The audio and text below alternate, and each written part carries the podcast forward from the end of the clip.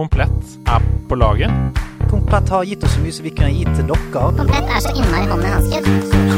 er på laget på nerdelandslaget. Trusted by geeks. Ja, ja, ja.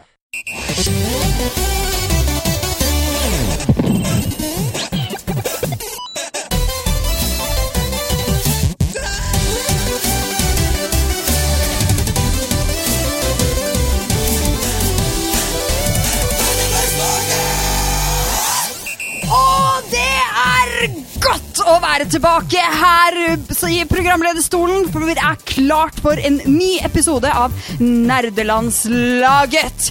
Jeg er din venn eller fiende, Ida Dorthea Horpstad, og ved min side har jeg en legende. Han bruker solkrem om sommeren og Janus om vinteren. Han er ingen ringere enn Andreas Hedman! Ai, ai, ai, calor! Det er en catchphrase. Det er en slags er en catchphrase. Ai, ai, ai, que calor! Ai, ai, ai, que calor. Jeg er litt usikker på uttale her. Um, ai, ai, ai, que, que calor! Det er sånn utropstegn opp ned først og utropstegn opp etterpå. Fordi her skal vi til Spaniens rike. Vi skal til Spaniens rike. Ja.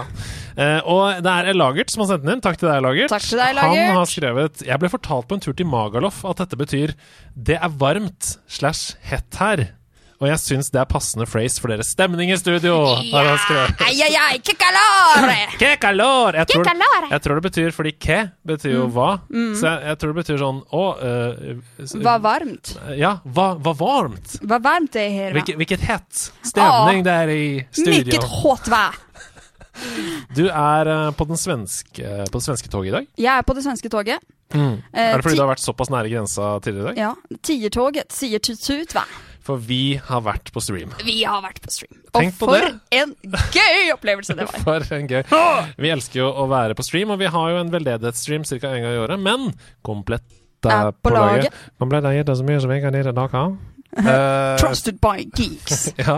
Uh, og de hadde veldedighetsstream i helgen til inntekt for Barnekreftforeningen. Det hadde de. Og der var både jeg og Sebastian og du og Camilla. Jepp. Vi kosa oss fælt. Åssen var det på Kan ikke du først si hvordan var det på nattskiftet? Andreas, ble det mørkt, eller holdt det seg eh, lyst og gledelig? Det var fryktelig mørkt både ute og inne, og det var bare Sebastian og jeg som var der. Um, og det var også sånn at når vi nådde et visst insentiv, så måtte jeg spille skrekkspill. Og jeg blir jo redd av eh, på en måte Flåklypa. Eh, Så mm, jeg hadde det helt forferdelig. Det kommer vi tilbake til Uff senere. Men um, jeg skrek så høyt innimellom, for jeg var så livende redd at jeg glemte at jeg var på stream. Altså Jeg trodde jeg skulle dø på ekte. At Securitas kom. Fordi de, de, de kom og låste seg inn fordi de trodde at noen ble pi pina. At noen Men- døde her inne. Men er det ikke litt sånn trygt og godt å vite at det på en måte funker, da? Jo, jo, han fikk latterkrampe. Ja, han gjorde det. Ja, ja. Og det er ingen som, det er ingen som, blir, som blir slått her. Nei, Nei, nei. Det er bare en fyr som spiller skrekkspill for 1500 personer. Og det kosta Nei, skattebetalerne det kosta ingenting. Nei, det Det, han, øh, han, er på, han er, har lønn, han, Han for på- å sitte her og passe på på, House of Nerds. Så- Men gjorde dere noe sprell? Noe hyss? Ja, veldig gøy. Vi hadde tiertog eh, gjennom hele natta. Vi spilte Marbles on stream og hadde impro-vers, og folk fikk seg egne champagnevogner på tiertoget med 100 kroners donasjoner, og det var kjempegøy. Og vi nådde jo til slutt over to millioner kroner. Det er jo så Det er så gledelig å se, se den givergleden og omsorgen som er i eh, blant annet laget. Hva var det dere gjorde på deres segment, du og Camilla? Vi kosa oss veldig. Vi uh, spilte The Yahog Eller The, The Jag. Jag. The Jag. Det er jag. Ja, vi spelade The Jag. Nei, det, det staves Y-A-W-H Er det HG eller GH? Jeg klarer aldri å huske det. Y-A-H-W-G, tror jeg. Jag. Yahog. Jag. Uh, det jag. Uh, men jeg ble Jeg skal ærlig innrømme at jeg var veldig distrahert av at vi ehm, ø, Først skal jeg bare gi kred til Camilla for uh, noen meget gode stemmekunster. Å ja, Eh, det var litt stemmeskuespill der som jeg var meget imponert over. Men så begynte vi å nærme oss én millioner, Å ja. og da ble jo hyp uh, hype, hype, hype, hype, hype! ja. Hvor det kom en slags auksjonarius frem i meg. Millionvippen. Ja, millionvippen! Millionvippen! Jeg hørte det. Ja.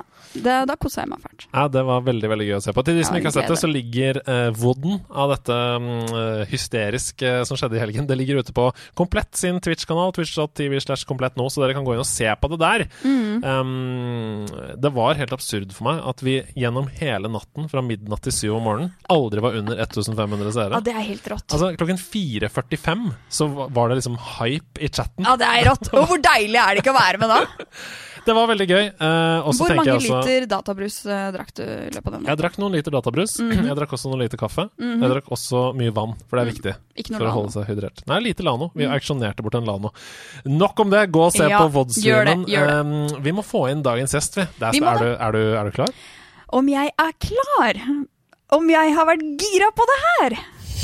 Dagens gjest er vokst opp i Svelvik og gikk på den tiden under navnet Gry Katinka Gjertvik Olsen. Det heter hun ikke lenger. I 2002 startet hun og venninnen Stine Wern Ravn Studio, et prisvinnende og høyproduktivt studio som har utviklet over 20 høykvalitetsspill for alle plattformer i universene til Flåklypa, Kaptein Sabeltann, Pippi, Blåfjell, Vennebyen, Elleville Elfrid og Knerten. Hun elsker Hemsedal, Zipline og rosévin, mener at Svelvik er Norges nordligste sørlandsby, og syns alle jenter burde ha en Nintendo DS i veska. Hun har vært prisutdeler på Gullstikka, sittet i panel for å snakke om kvinnelige spillfigurer, og tenker at den største fordelen med å være kvinne i spillbransjen er at det aldri er kø på dametoalettene under konferanser. Kallenavnet Tinka har hengt ved siden hun var 14 år, og etternavnet Town kommer fra at hun er den råeste dama i byen. Ta vel imot en av to kvinner bak et av Norges mest suksessrike spillstudioer, Tinka Town! Oh my god! kan jo bli satt ut av mindre. Oh my god! Oh my god. Hva var det som var mest oh my god-ete i den introen? Jeg vet ikke, det, var, det føltes som hele livet mitt gikk i revy på en eller annen måte. Akkurat sånn som jeg har hørt folk fortelle rett før de krasjer med bil eller et eller annet. Så, så skjer det der. Ja, men det er det som skjer. Da kommer Andreas Hedman. Han dukker opp og gjør det Ja, da skal vi Hun har vært Åh, det hadde vært en uh... Men da tror jeg ikke jeg hadde vært Da hadde jeg vært fornøyd, tror jeg. Ja, men det er jo en uh, både takknemlig og veldig utakknemlig jobb, for man må jo si farvel til veldig mange mennesker. Ja. Så det er Eller er det tegn på at du er seriemorder? Ja, Uff a meg. Oi. Eh, la oss ikke gå dit. Nei, vi skal ikke gå dit. Han øver seg faktisk.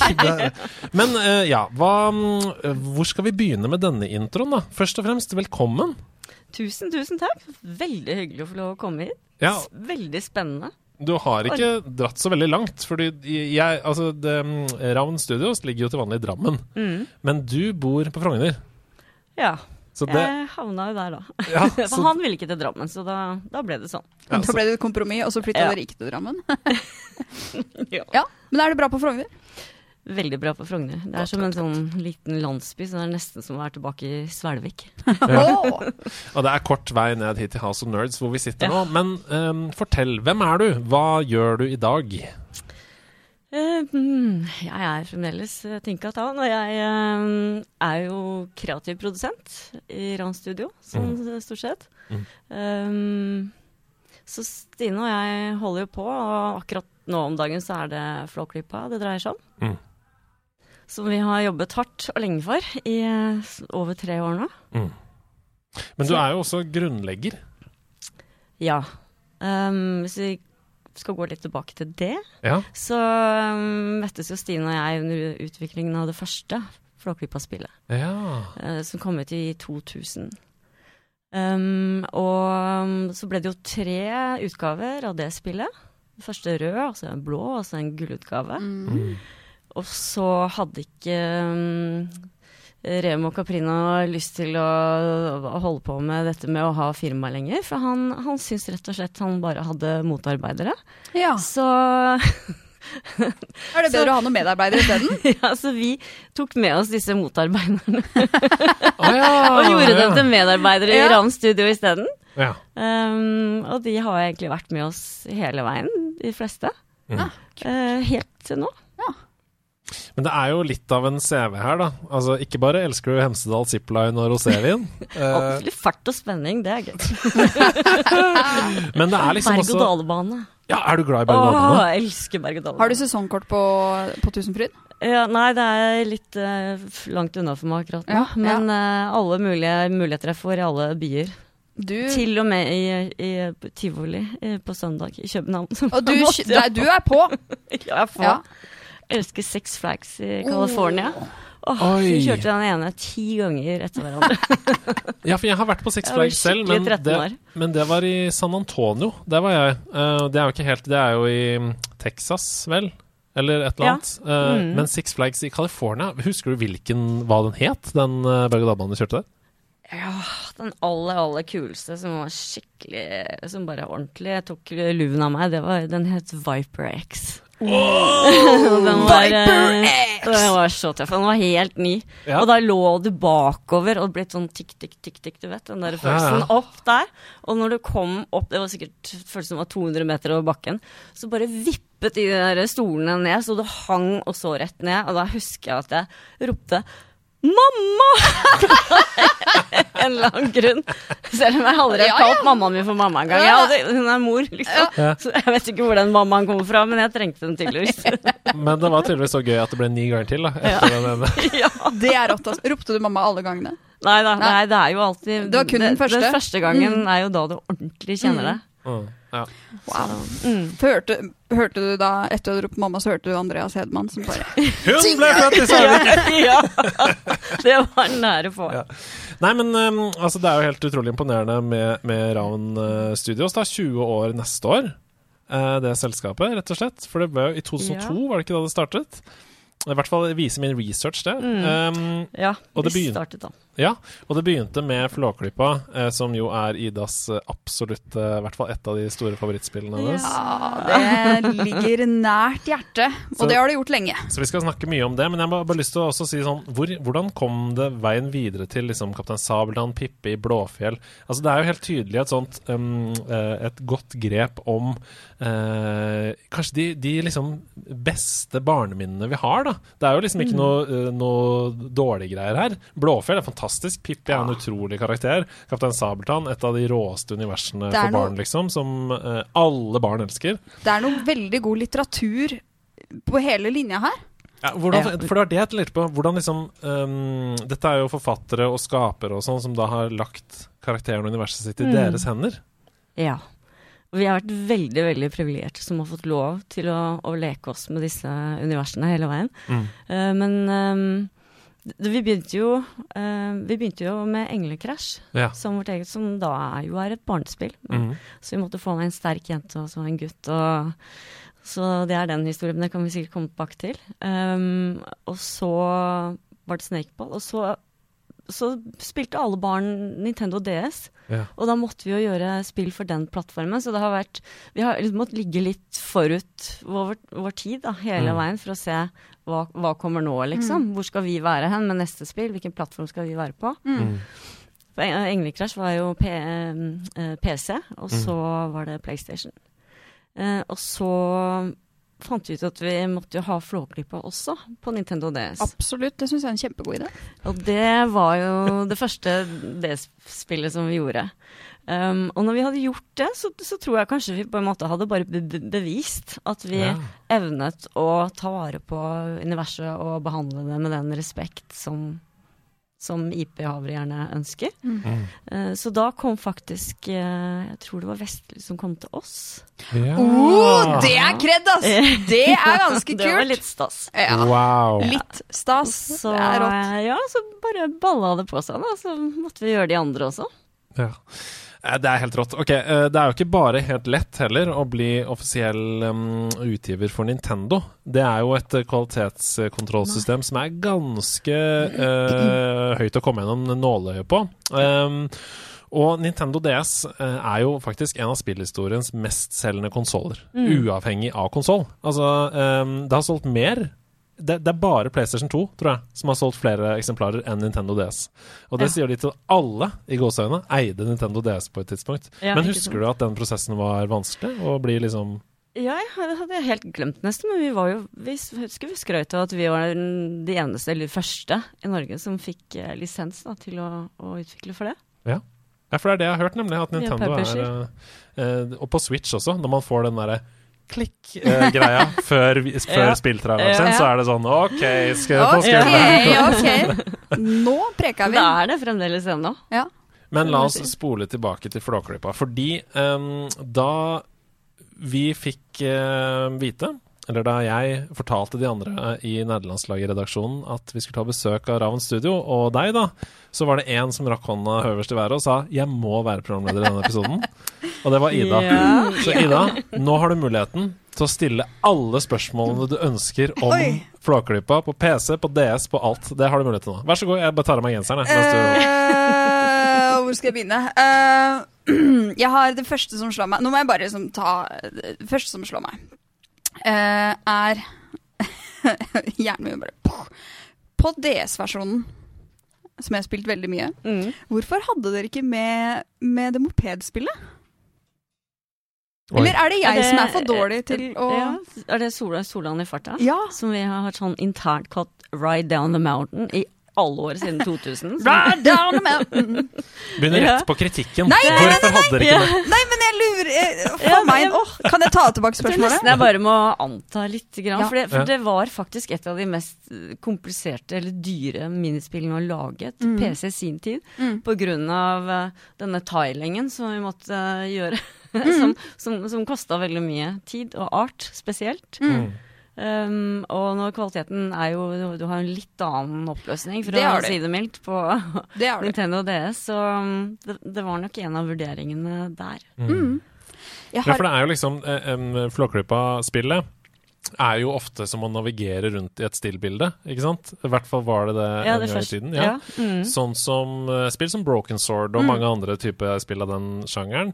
Uh, mens Solan-spillet, det er jo et racingspill. Altså, det er jo altså, Down the Mountain. Ja, da det er sånn skal det gå opp og ned og venstre og høyre og dybde fram og tilbake, og da skal du Mm. plutselig jobbe i et helt annet uh, univers, da. Så det jeg kan se Mm. for meg at det har vært fordyrende og krevende. men jeg, jeg, må også, jeg må plukke hjernen litt. Fordi dere har hatt en helt uh, egen evne til å, i hvert fall for meg, hekte. Virkelig.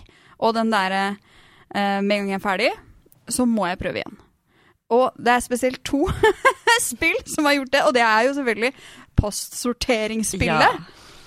Altså, kan vi bare ta Jeg må bare plukke hjernen litt på postsorteringsspillet. Hvor kom på en måte ideen fra?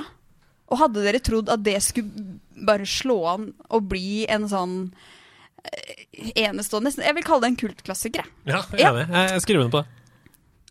Ja, det var litt vanskelig spørsmål egentlig. Hvorfor akkurat det? Um, Hvor kom ideen fra? Akkurat det tror jeg rett og slett skjedde før jeg kom inn i det første PC-spillet. Men det jeg kan si litt sånn generelt om, da, som også veldig mange lurer på, er gjerne hvordan, hvordan tar du um, en film og gjør et spill av det? Mm. Eller en bok, eller et eksisterende univers?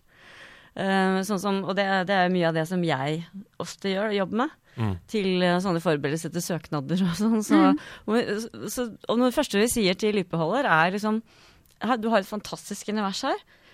Nå må du bare holde deg fast, men vi er nødt til å plukke fra hverandre hele dette universet ditt og finne ut av hva som er gøy å leke med. Mm. For det spill handler om å gjøre, ikke sant. Så da må vi sånn hva kan vi, Hvordan kan vi gå inn i universet og, og leke oss med det?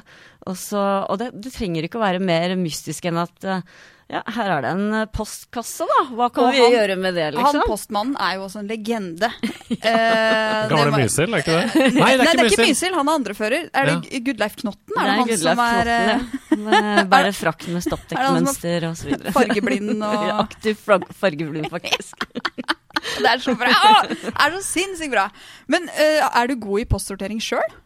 Eller hvilke eh, Ja, ja, ja, ja, har- ja, ganske god i det. Men jeg, jeg tror faktisk det er Stine som har eh, rekorden hos oss. Okay. Så det, det skal hun få kred for. Hvilket minispill er det du er eh, best på, eller hva er din favoritt? Uh, akkurat nå tror jeg kanskje jeg er mest på sykkelspillet. Det er sykkelreparasjonsspillet. Jeg, jeg, jeg, er jeg klarer ikke å stoppe. Jeg bare jeg Men det er litt godt å vite at det skjer med dere òg. Å, skeit, jeg må hoppe Ja. en halvtime. Jeg kan ikke. Og sånn var jeg når, jeg når jeg kom inn i den spillbransjen også, så Mm. måtte vi jo teste, ikke sant. Og så satt jeg og spilte mahjong, da, for det er også sånn det Men er- det er jo mahjong-spillet! litt- Det har jeg snakka om hele tiden! Å, Hva at er det dere har gjort, i hvert fall i den siste versjonen? Ja. Hva er det dere har gjort med Mahjong som gjør at det er Jeg, jeg var helt uforberedt. Jeg tenkte ja ja, Mayong, det er jo et kult spill. Åpner det. Er det Seks, sju. Åtte timer siden Kanskje det er, for, kanskje det er forstørrelsesglasse? Kanskje det er Men liker du det, eller liker du det ikke? Jeg elsker Mahjong-spillet. Så bra. Ida har brukt eh, majoriteten av hennes tid i det nye Flåklypa-spillet er Mayong. Jeg, vet hva, jeg, jeg, jeg, tør jo nesten, jeg har nesten ikke å si det, men det første, helt fra første spillet, fra 2000 Jeg ble Ja. sittende i timevis og teste Mayong. teste, og Teste, teste så grundig. Folkens, jeg gidder ikke være på møte her, for jeg må teste litt Mayong-spillet. Ja. Du vet vi har en ny versjon ute av det Mayong-spillet. Jeg må bare ta ordentlig forbrukertest av det. før vi- Ordentlig forbrukertest brukertest av det. Ja. Men på den tida så var jeg såpass ny i spillbransjen òg. Jeg hadde jo hele tida dårlig samvittighet. Nei, nei, nå må jeg slutte. Nå må jeg jobbe. Nå må jeg, nå må jeg gjøre noe ordentlig. ikke sant? Selv om det var jo kjempeviktig. Kjempeviktig. Det er, jo å jobbe med spill! Ja. Ja, Det er jo, Å spille er å jobbe. Det tok veldig lang tid, altså. For det, det var greit, liksom. Sånn mentalt. Har du da, Jeg må spørre flere spørsmål, jeg. Vær så god. er. Ordet er ditt. Jeg bare koser meg. Har du navnet ditt på et av eh, eh, breva i eh, postkassespillet? Nei, post, uh. Denne gangen så har jeg endelig det, for Ja. det kunne jeg bestemme sjøl. Ja! Nydelig! Nydelig. Hvilken Og det, nasjonalitet? det tror jeg datteren min, og døtrene mine og katta og alle sammen har.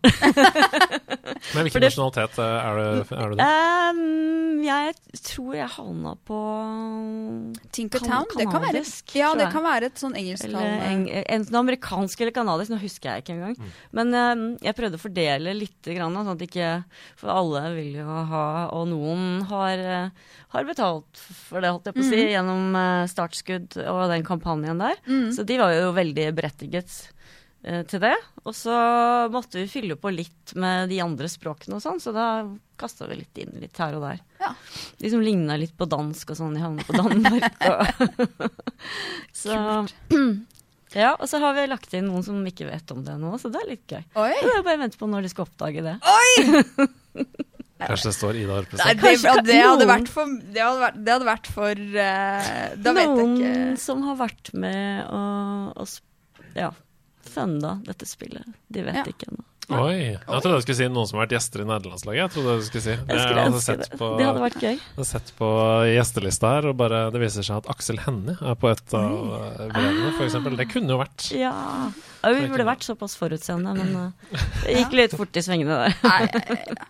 Men eh, OK. eh, jeg, jeg, altså, jeg må bare si at jeg liker veldig godt den tanken på at for Tidligere så har vi snakka litt om Når vi snakka om eh, spill, forskjellige spills historie og sånn, så er det jo en gjenganger at Um, prosessen i uh, utvikling av spill stopper opp fordi at man får man, hel, Alle i produksjonen blir som hekta på om det er Bejeweled eller det ene eller det andre. Men det er så fint å vite at OK, eh, på Ravn Studios så har dere faktisk sittet i timevis med Mayong, og det har vært eh, Spillet er så hektende for dere også at det, det, det, det blir en slags eh, Det tar litt tid, da.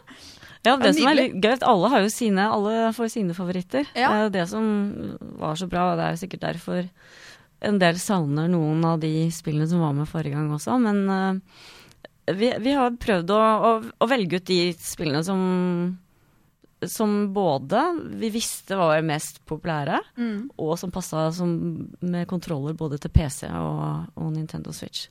Så det var faktisk litt utfordrende. Men, eh, men ja, alle det, Du kan se deg rundt i lokalene, og så sitter den ene med postsortering og den andre med Ride on the Mountain.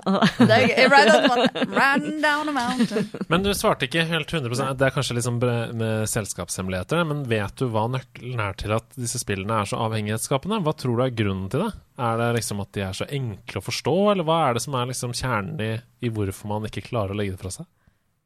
Ja, jeg tror det er både det at vi, vi, kalte det jo den gangen pick up and play. ikke sant? Som, altså det er superenkelt for, fra- for alle aldersgrupper å sette seg ned. Og så er de bygd opp såpass uh, clever, da. At, du, at du øker vanskelighetsgradene akkurat litt, litt, litt. litt. Og så samtidig som du beholder den mestringsfølelsen. Det er, det er jo mestringsfølelsen som gjør at du bare må Absolutt. mer. Mm. Og, og klare å gjerne å, å bli litt bedre på det hele tiden, og slå dine egne rekorder. Um, ja. Men på, på DS-versjonen, i hvert fall, uh, der har jeg jo lagt inn Altså, jeg har spilt ekstremt mange timer postsortering. Eh, Vi hadde ja. jo faktisk, det, det må jeg fortelle da, hvis du ikke er klar over det, på den forrige 50-timers-streamen vår som vi hadde til inntekt for Mental Helse Ungdom, så hadde vi jo både Solands eplesamling og postsortering live, fysisk, Oi, i lokalet. Ja. Så på den ene Så veggen tøft. her borte så hang det da postsekker fra USA, Sverige, Danmark osv. Og, så videre, og så løp da Ida og Stian og konkurrerte mot hverandre i å sortere brev. Oh my god. Og det er noe av det morsomste jeg har gjort i hele mitt Det var helt fantastisk å se på. Det ligger video av det ute. Uh, og det andre var altså en hinderløype med trillebår fram og tilbake her. Samle epler og dumpe epler. Så bra. Uh, så vi, jo- dette, er, dette er hvor viktig Flåklypa-spillet har vært for nederlandslaget. Vi har trykket det til vårt hjerte. utrolig. Eh, men jeg blir jo veldig sånn Jeg har virkelig Jeg har brukt mange timer i postsortering, spesielt på DS-versjonen. Og jeg lurer på, hvis du har lov til å si det, da eh, For på ett et punkt så føler jeg at det er liksom det Kanskje jeg overvurderer mine egne evner, men at, at det er på en måte fysisk umulig å komme noe videre.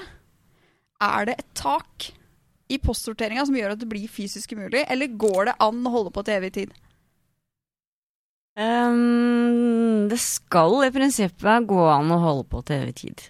Uh, hvis, hvis du kommer til et punkt hvor det bare ikke er fysisk mulig, da, da kan det ha noe med balansering å gjøre. Men, men uh, altså Mennesker er mennesker.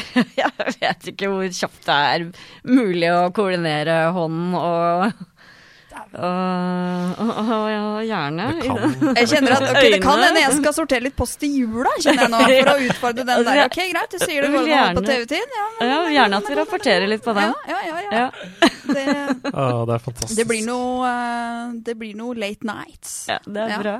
En annen grunn er jo kanskje fordi veldig mange av disse spillene bygger på veldig klassisk gameplay. Mm. Som Ludvigs labyrint er jo Pac-Man, Ja, ikke ikke sant. sant. Og Og, Ludvigs labyrint og- er så mye og det, er, det er jo hoppsi, bevist over tid at det funker. Mm. Og det er jo, som du sier, det er bygget på Pacman, men det finnes jo en Mm. del funksjoner her som ikke Pacman har, da. Ja, ja, Eh, som gjør at det er dypere også, med, med eh, trampoliner og forskjellige Mm. måter å komme seg rundt, og du må ha dykkermaske for å gå ned i vannet, og det er mange forskjellige Ja, akkurat der er det faktisk veldig mange nye eh, Mm. deler av gameplay, så det liker er veldig veldig bra. godt den nye versjonen av Ja, det er jeg også. labyrinten. Og puzzle-variantene med at du må åpne og lukke de grindene for å komme Mm. deg dit Ja. og dit, og du kan låse deg selv inne og sånn. Det er veldig smart. ja. Mm. Men fy søren, for en jobb! Det må være mye jobb å kode. Og skrive og tegne og alt det der. Ja, jeg har, det har vært jobbet mye, og, og Rock Pocket i Tønsberg også har jo jobbet masse med minispillene, så de Mm. har gjort en helt fabelaktig jobb. De også. Kommer det uh, Hvis du kan svare, kommer det flere Flåklypa-spill? Det er jo det store spørsmålet om dagen, da, som eh, vi nesten måtte ta med en gang, og man skal ikke se bort fra det. Dere hørte det her først! Hørte det her først! Men ok, um, uh, det er sikkert dumt spørsmål da, i påvente av akkurat det du sa nå, men det har vært en suksess denne gangen også. Vil, kan dere si det? At det er, dere er fornøyd med hvordan det har gått? Ja, jeg syns mottakelsen har vært veldig bra. Og det kommer til å bli helt sinnssykt inn mot jul. Det kommer ikke til å være ett juletre i Norge nei, vi- uten en, eh, en eh, Ja, det er fantastisk å se for seg at det ikke er ett eneste juletre i Norge hvor det ikke ligger Flåklypa Grand Prix under treet. Det syns jeg er helt fantastisk. Enten så har du ikke juletre, eller så har du Ja. juletre med Ja. at det ligger en versjon der. Eller, eller har kanskje ja, ja, Jeg tror til og med de som ikke har juletrær, også kommer til å ha Flåklypa Grand Prix. jeg tror også det. Mm. Ja, I julestrømpa. Ja, julestrømpa. Ja, nei, det er fantastisk. Uh! Føler du at vi har kommet til bunns i Flåklypa? Kan vi nå begynne å eh, spole tiden litt tilbake? Ja, eh, men jeg forbeholder meg retten til å skyte inn et spørsmål eller to. Du har underveis. rett til å skyte når du vil. Oh, fire away, Hedemann. Men kjære Tinka. Det er jo sånn her i nærlandslaget at vi setter oss i tidsmaskinen. Spoler tilbake tiden. Og um, da er jeg nødt til å spørre deg hvor var det det begynte for deg? Hva er det første spillet du spille, spilte? Husker du det? Mm, faktisk. Uh, så vidt jeg kan huske, så var det Er det Nintendo Game Watch det heter? Oi, det det lille håndholdte. Håndholdte. Jeg husker noe Super Mario-ting, og, og, og de to karene som fikk sånn tall opp over hodet, så skulle du slå i hodet, klubbe i hodet den som hadde høyest tall. Og sånn. det, det, det husker det jeg jeg så lenge godt. Det er nesten sånn Joker Nord-aktig. Det var jo sånn at det var bare ett spill på hver Game Watch. Ja. Så du måtte kjøpe en helt ny på en måte konsoll for hver gang du skulle ha et nytt spill. Eh, For det var jo en sånn håndholdt liten ting. Eh, Og jeg husker det der med å holde opp liksom de tallene. Det var mm, som du bare Og det var det ja, eneste akkurat den vet jeg ikke hva heter engang, men jeg tror jeg hadde et par forskjellige varianter av det. Ja, så var det parachute, de som falt ned Ja. i, i Ja. sånn eh, fallskjerm, og så måtte du fange i båt der nede. Nemlig. Eh, så var det Donkey Kong, var jo et Ja. Game Watch-spill, eh, med da Jumpman, Jumpman. som ble til Mario. Yes. Han het Jumpman først. Mm. Ah, ja. Game Watch, det var der det begynte.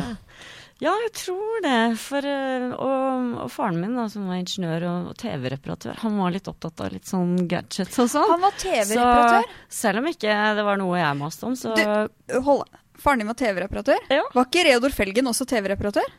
Det også. Han var sykkelreparatør og sikkert TV-reparatør og alt bare- mulig rart. Men bare- eh, han, de, har, de har noe til felles. de Jeg to vil der. dra deg inn i det ver- universet. Ok, Beklager. Fortsett.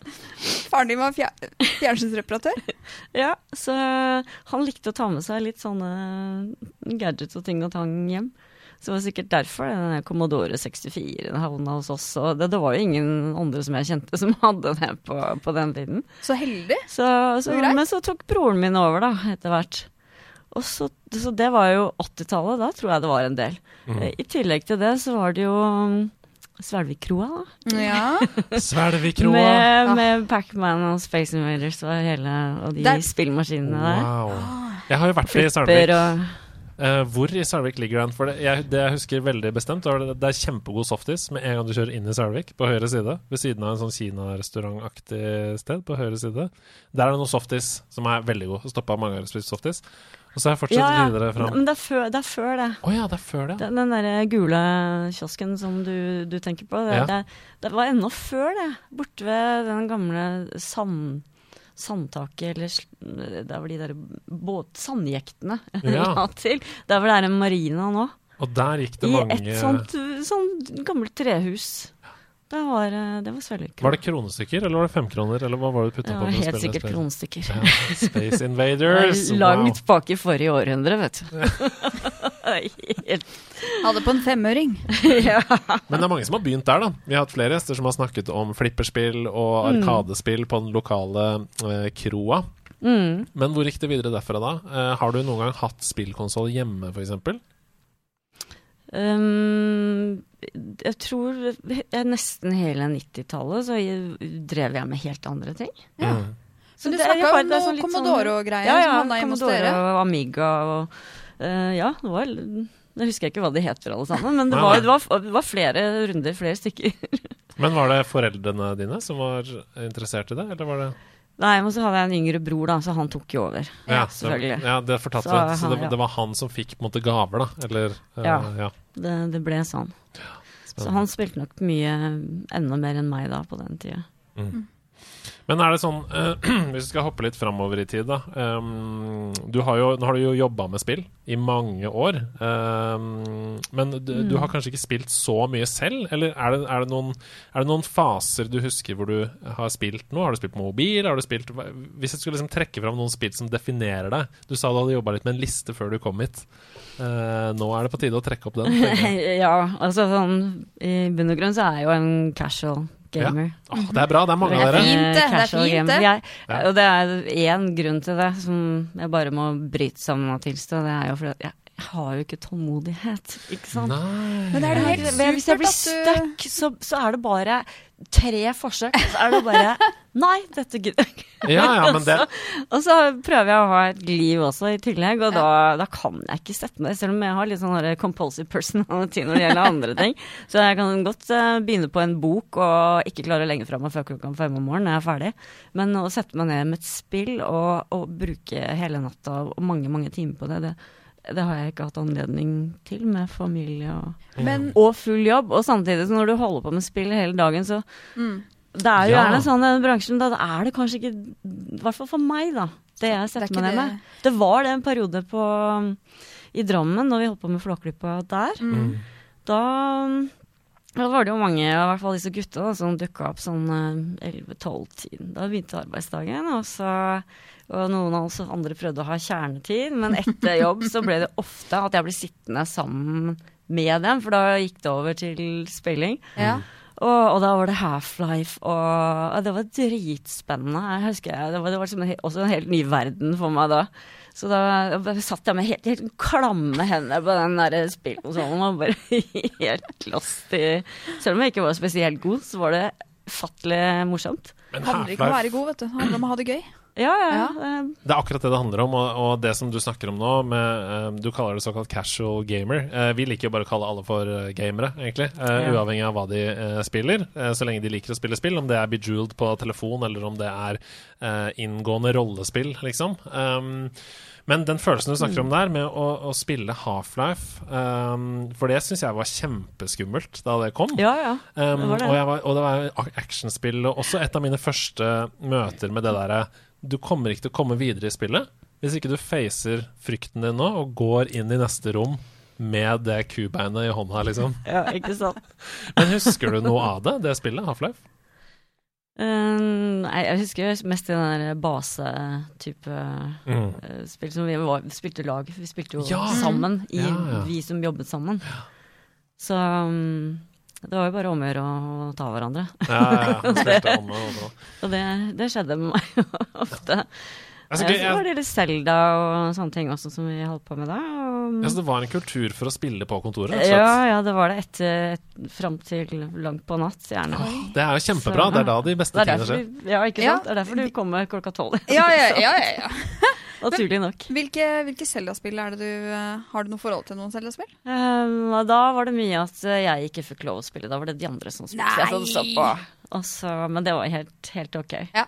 Gøy å se på også. Var det? var det noe som heter Ni? Ti? Eh, De har jo gjerne navn eh, som Ocarina of Time og um, Ja, Majora's men, Mask og sånn, men jeg husker ikke Selda Nei, ikke Selda. Det var ikke det. Nei. Metroid, kanskje? Nei. Final Fantasy. Final Fantasy! Final Fantasy! Er det vi snakker om? Ja. Ja, Final Fantasy der, men Ja. der har vi jo 9 og 10 og 11 og 12 Ja, og ja, ja, ja. eh, alt, alt mulig gøy. Du. Men det er gøy, rett før du kom inn her, så det sitter jo folk utenfor um, studio her og perler på House of Nerds, for det er Ja, det er kjempemorsomt. Jeg hadde ve vel nesten mer lyst til det. Nei. Du skal få lov til å joine de etterpå. det. Og, og um, flere der satt jo og perla karakterene fra Final Fantasy 9. Ja, Nå, før du kom inn. Så det er jo helt fantastisk. kult. Hvis Men- du spør pent, så får du nok være med. Ja. Men du åpna boka di her nå, som du har tatt med i studio, uh, og der er det skriblerier. Ja, Fortell, hva, hva er det Hva er det du har skrevet ned? Uh, nei, litt av de tingene som jeg egentlig har eh, snakket om nå. Men jeg, jeg var jo litt på, på, på racing også. Grand Turismo og sånn. Oi, oi! Det, da gikk jeg litt i baret sånn på kvelden, sånn jeg ble sittende, og, og mannen min bare 'Kommer du, legger deg snart?' Ja, bare én runde til! Bare én runde til! Så der, der har jeg vært uh, Men er det det første Gran Turismo du snakker om da, eller to eller tre? Eller, for dette er jo PlayStation-eksklusiver. Ja, det var vel PlayStation 3, kanskje. Ja, så da kan det være Gran Turismo To eller tre. 3.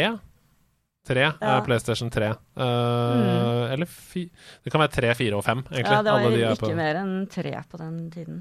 Er fantastisk. Åh, Gran Turismo der, ja. Og da, for du, da hadde du jo PlayStation hjemme, da. Ja, ja, ja, hadde jo det. Så, så fort For vi, eh, vi måtte jo Vi måtte jo vi var så heldige og privilegerte igjen å få lov å lage PlayStation-spill. Ja. Som For vi begynte jo med Englekrasj. Ja. Mhm. Og så uh, var det et par av de som jobbet hos oss, som hadde også et annet firma, som de til sammen fikk mulighet til å lage et uh, PlayStation-spill. Og istedenfor å miste dem, så tok vi alle til Drammen til oss. Så lurt.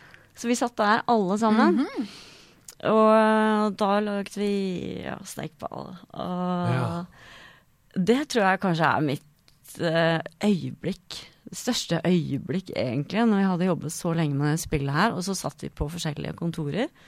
Og når vi endelig klarte å spille åtte stykker samtidig online når vi fikk til Ja, det. Det ja. var sånn der Jeg får henne en sånn ståpels henne, og alle bare hylte rundt i alle rommene. Ja, vi holder på!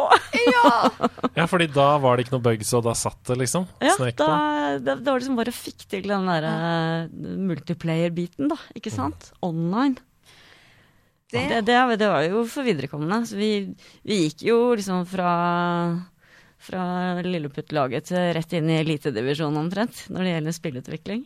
Så det, det, vi hadde en læringskurve som var helt, helt Det er høy måloppnåelse, det, altså. Det er høy Ja, måloppnåelse.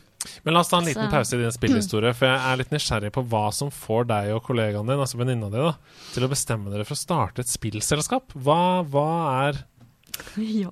hva, hva, hva er tankeprosessen der, liksom? To eh, Og la oss være ærlige, tradisjonelt så har jo ikke kvinner hatt en så stor plass i spillindustrien heller, og i hvert fall ikke i 2002. Det har blitt Nei. bedre nå, uh, og bedre skal det bli. Men, Mm. men at to kvinner går sammen da og bestemmer seg for å starte spillselskap, det er liksom jeg, jeg digger det jo, da. Maks. Det må jeg bare få uh, understreke. Men, men hva var prosessen? Jeg tror, vi kom fra litt forskjellige steder, Stine og jeg, og jeg tror vi bare falt, ble litt forelska i, i spill. Og så um, så vi Altså, vi, for det første så holdt nok vi to blant annet tak og vegger opp gjennom hele denne produksjonen, så vi var veldig trygge på at dette, dette fikser vi. Ja. Mm. Ja. Så det skal vi klare. Og, og jeg også, når jeg begynte også å se på hvor mange spilltitler finnes det liksom som er gira mot jenter Mm. uh, i forhold til gutter. Så fant jeg liksom ti titler for jenter, og så var det 3000 for Ja, gutter. Og jeg bare helt, eh, kjente at dette må jeg gjøre noe med. Ja. Mm. Og der var vi veldig enige, da. Mm. Åh, det er deilig Så- motivasjon. Uh, dette må jeg gjøre noe med. Ja, jeg kjente at det her, her trengs det å Altså Det beste man kan gjøre når man uh, irriterer seg over noe sånt, er jo Dette må jeg Bare gjøre noe med. Gjøre noe med det. Det er jo helt konge. Det viser jo bein i nesa, da, på en Ja. måte. Fordi det er jo en grunn til at det er ti eh, for kvinner og 3000 for menn på dette tidspunktet. Eh, så det er jo Ja. ikke liksom bare å reise seg opp og gjøre noe med det heller, men dere fikk det jo til. Virkelig. Ja, vi begynte i hvert fall da, med, med Englekrasj og den biten der, og med litt andre ting også. Lage kvinnelig spillkarakter, det, det var viktig, så vi gjorde jo Tainted Keep. Mm. Som vi jobbet veldig mye med denne Nå er vi litt på villspor igjen, men eh, Mm. Det går bra. Um, det var litt morsomt når vi prøvde å utforme denne karakteren, så hadde vi en jente som het uh, June, blant annet, som, som tegnet denne. Og så skulle den bygges i 3D av en av gutta våre. Mm. Ehm, så, så ble den ikke helt sånn som vi hadde tenkt. Da. Så, eh, så vi måtte få på henne litt sminke og måtte gjøre henne litt kul og sexy. For Ja. jeg syns jeg, jeg synes det var viktig også. Ja. Det skal jo være litt, litt sexy, skal man være òg, selv om man er tøff. Ja. og, og til slutt så, så ble jeg nødt til altså, å gå i en eller annen sånn undertøysmagasin-type ting og ta bilde av eh, brystpartiet med en BH på, og så si til han som bygget at sånn ser de. Sånn ser bare kvinnebrystene ut. Jeg håper ikke noen blir veldig fornærma, men det, det var jo en litt uh... Sånn ser det ut, bare så du veit det. ja. Ja, men, vi, det, måtte, vi måtte jo bare få fiksa litt på det, så det så naturlig og ordentlig ut. men jeg skjønner det. Det er jo, eh, det er jo høres ut som helt naturlig opplæring hos, eh, på kontoret, det. Sånn er det. Ja, Ja. det var viktig. Ja ja. Det var bra. Men ble dere fornøyd med resultatet? Ja, Veldig. Bra. Bra dere tar tak. Ja, nei, Det er godt å høre. Eh, La oss hoppe tilbake til spillhistorien. Du fortalte om Gran Turismo på PlayStation. Hvor er vi da, sånn cirka, i livet ditt?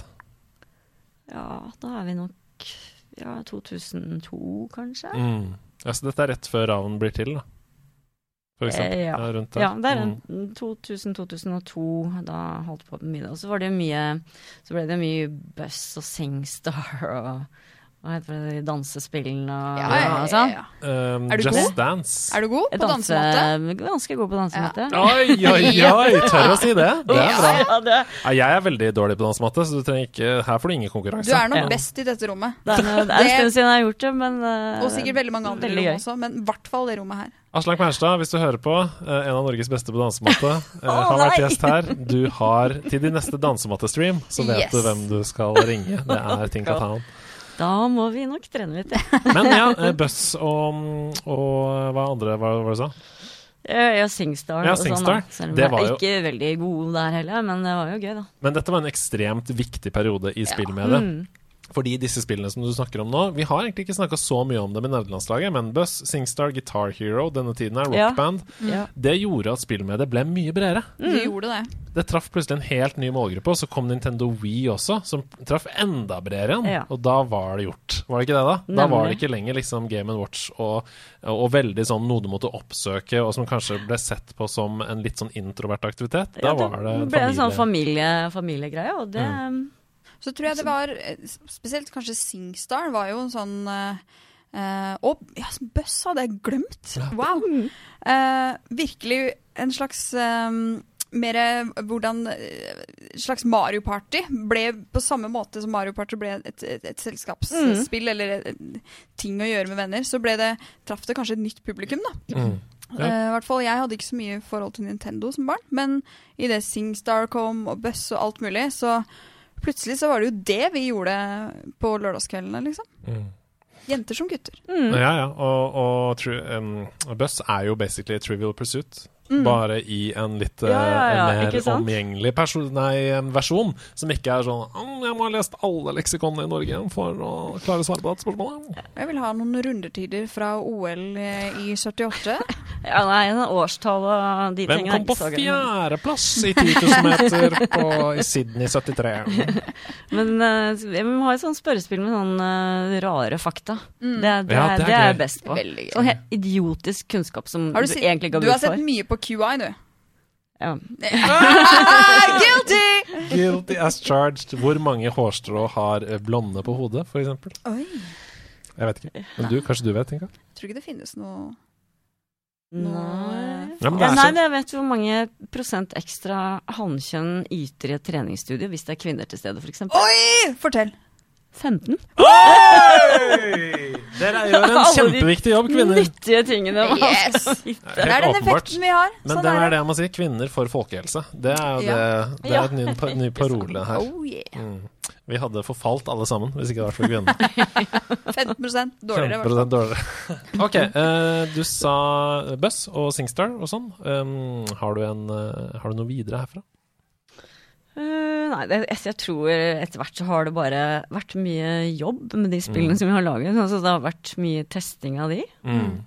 Men du har også Jeg, jeg har jo eh, lest litt på forhånd, og du nevnte jo Bejeweled, eksempel, og at du har spilt Ja. en del sånne spill. Jeg vet ikke, og Ikke nødvendigvis tidtrøyte, da, men, men liksom på Men det er ren og skjær meditasjon, tenker jeg. Mm. Sånn bare en sånn avkobling. Jeg, jeg, jeg er så jeg, Vi snakka mye om, om mobilspill, da, eller det jeg kaller fuck you-spill, forrige gang jeg var her. eh, og jeg har spilt veldig mye Merge Dragons uh, i nylig. Men hva er, det, hva er det som er dine mobilspill som du tyr til? Du nevner Bejeweled. Uh, ja. Um, det har vært litt Candy Crush. Mhm. Og dette er litt vært, interessant. Nei, bare fortsett. Sorry. ja, altså for eksempel sånn som um, eh, Monument Valley.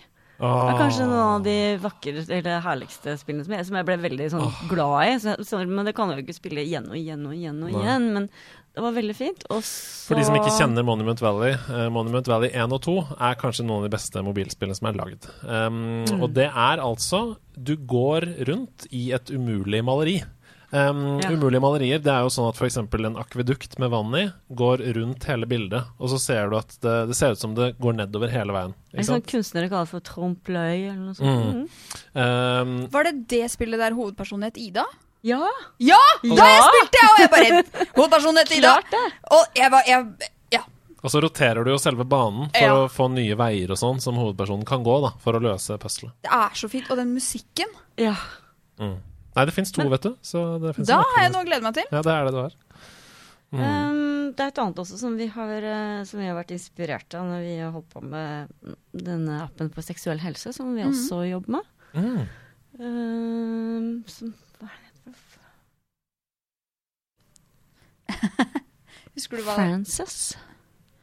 Oi, Nei. France Nei. Frances Det kjentes Nei, det er, kjent det, er, det er ikke men det. Det er nesten. Men er det et puzzlespill, eller er det um, Florence! Florence! Florence. Det er fint. Det er fint. Det har jeg også spilt, nemlig. Eh, et veldig vakkert lite Ja, indiespill. sånn helt Um, annerledes. Og bare en sånn deilig opplevelse. Ja, og det eh, Uten tekst og det forstyrrende bør, elementer. um, det bør alle teste ut. Det koster Mm. bare en liten Hva koster det? Ja? Det koster 20 kroner på Steam. Eh, er på halv pris nå. Eh, og det er så eh, stilrent og pent. Ja, veldig. Ja. Og så er det, det er liksom musikkdrevet, på en måte. Det forteller Det er så mye sånn følelser. Mm. Og mange Eller- veldig artige måter å spille på. Det er forskjellig gameplay gjennom Det, det overrasker deg hele tiden. Ja, så den, det spillet har vi vært litt inspirert av når vi har holdt på med den andre appen, som egentlig forteller en historie som vi er i gang med nå. Da.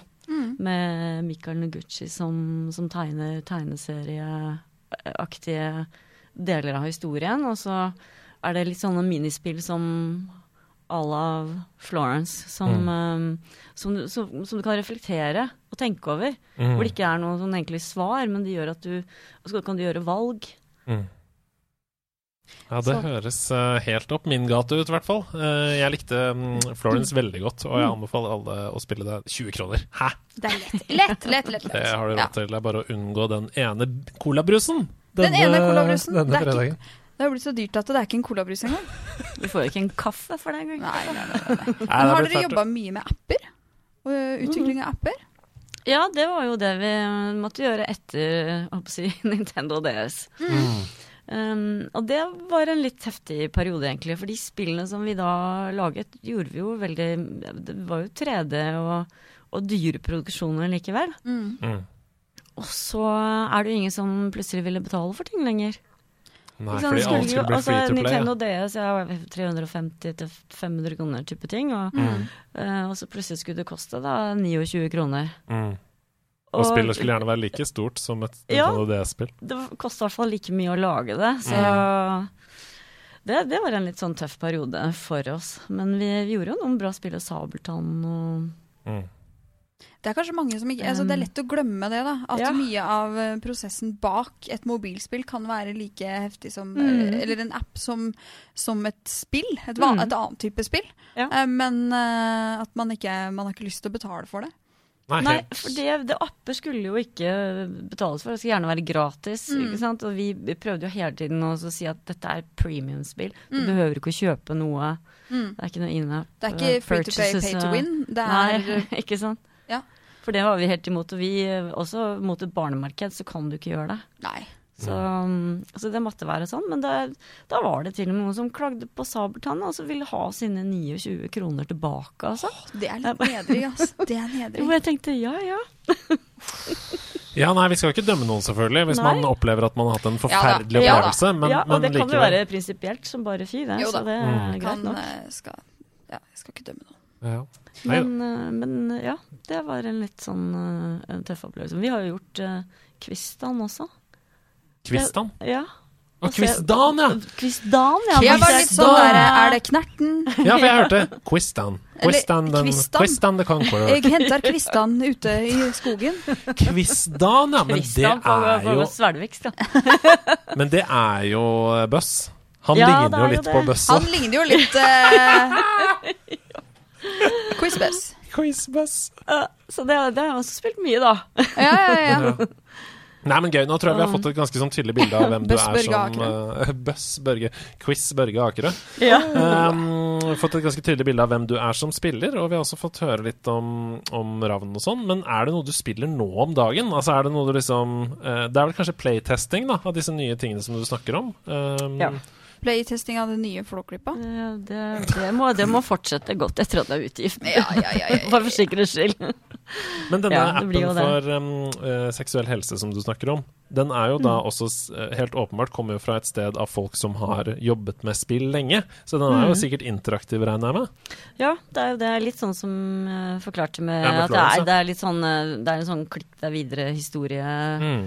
Så, så jeg, har jo mått, jeg har jo, spiller jo mye ting, i hvert fall litt av det, da, som Mm. research, av alle mulige sjangere. Mm. Um, hva er det de heter for disse storydrevne uh, spillene som er litt sånn, eh, sånn prinsesseaktig Ikke prinsesse, men uh, det, er, det er Kardashian eller oh, Ja, romantiske ja, ja, historier. Ja, ja, Ja, ja. ja. Det, eh, Sånne brandede mobilspill som det. eh, Mm. Ja, som du klikker deg videre og Ja. gjør valg og sånn. Ja, helt, ja, ja. helt til eh, det er noe sånn luxury Helt life. til du ikke får lov å gjøre valget på, på den kjolen som du egentlig, eller det antrekket du egentlig skal ha hvis ikke du betaler Ja. mer penger. Ja. Eller venter tolv timer. Og da var jeg ferdig med den. Ja, ikke sant? Eller venter tolv timer Ja. før den låser seg opp, som er alternativet. Uh, For da kommer man seg unna den derre Nei, men det, du kan!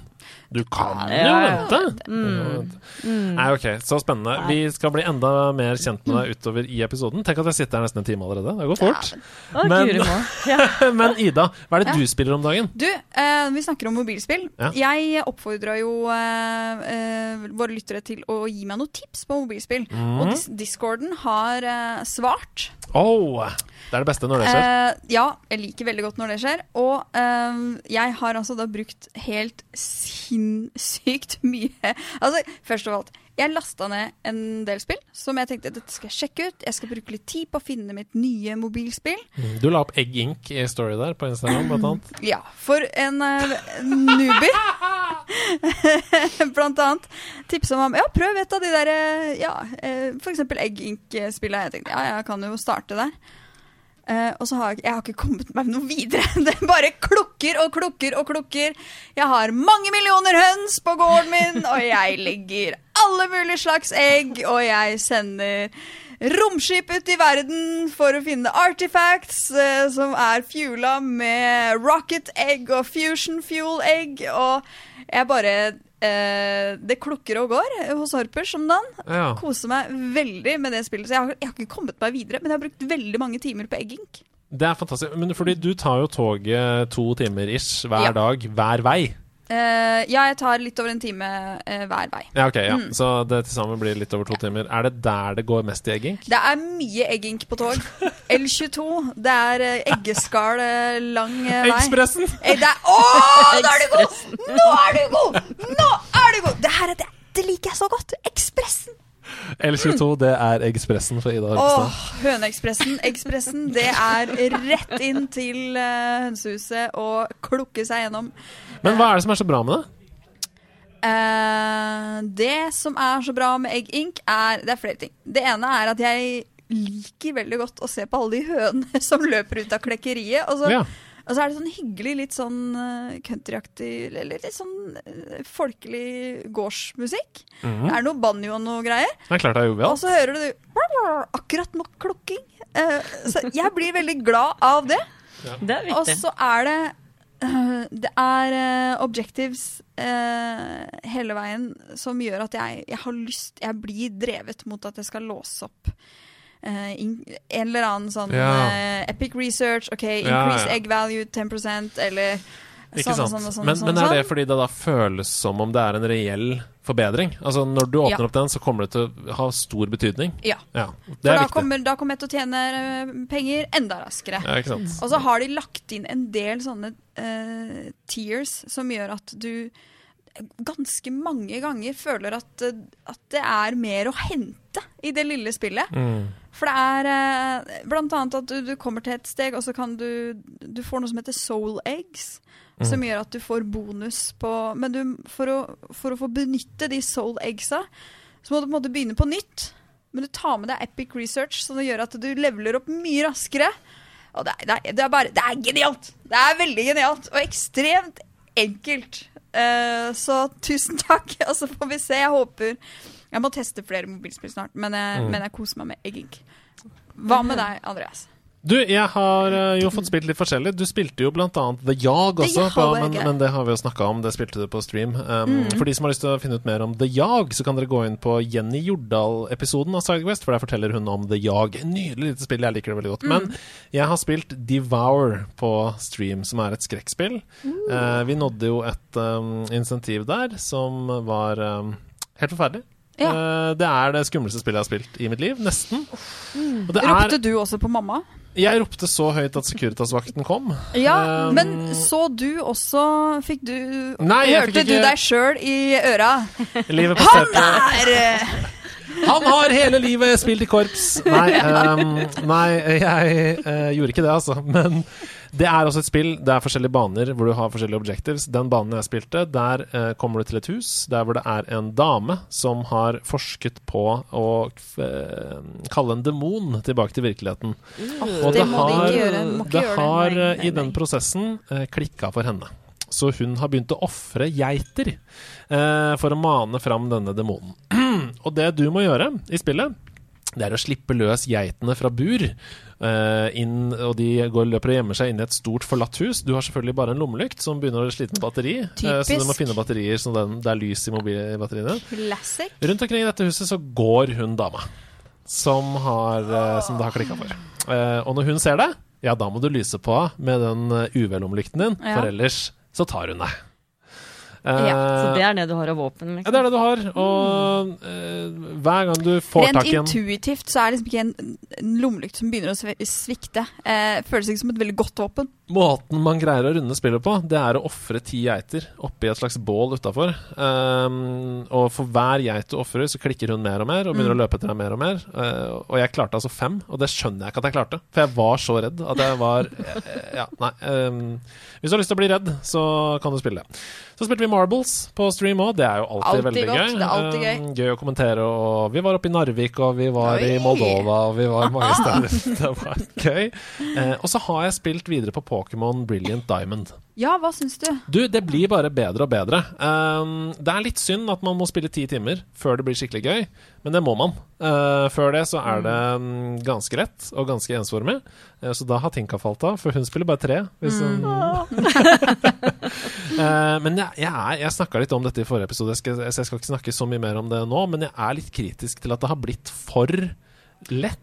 Er det for mye håndholding? Ja, nå er, det, nå er det gått for langt. Altså Mm. Nå skal de treffe så bredt at hvis du f.eks. Uh, vinner en kamp med en Pokémon, uh, fanger en Pokémon eller uh, slår en trener og sånn, så får alle Pokémonene i Ja. teamet ditt for XP. Som vil si at Du eh, må jo grinde litt på et eller annet tidspunkt, tenker jeg. Det, det er jo en del av, eh, av eh, opplevelsen.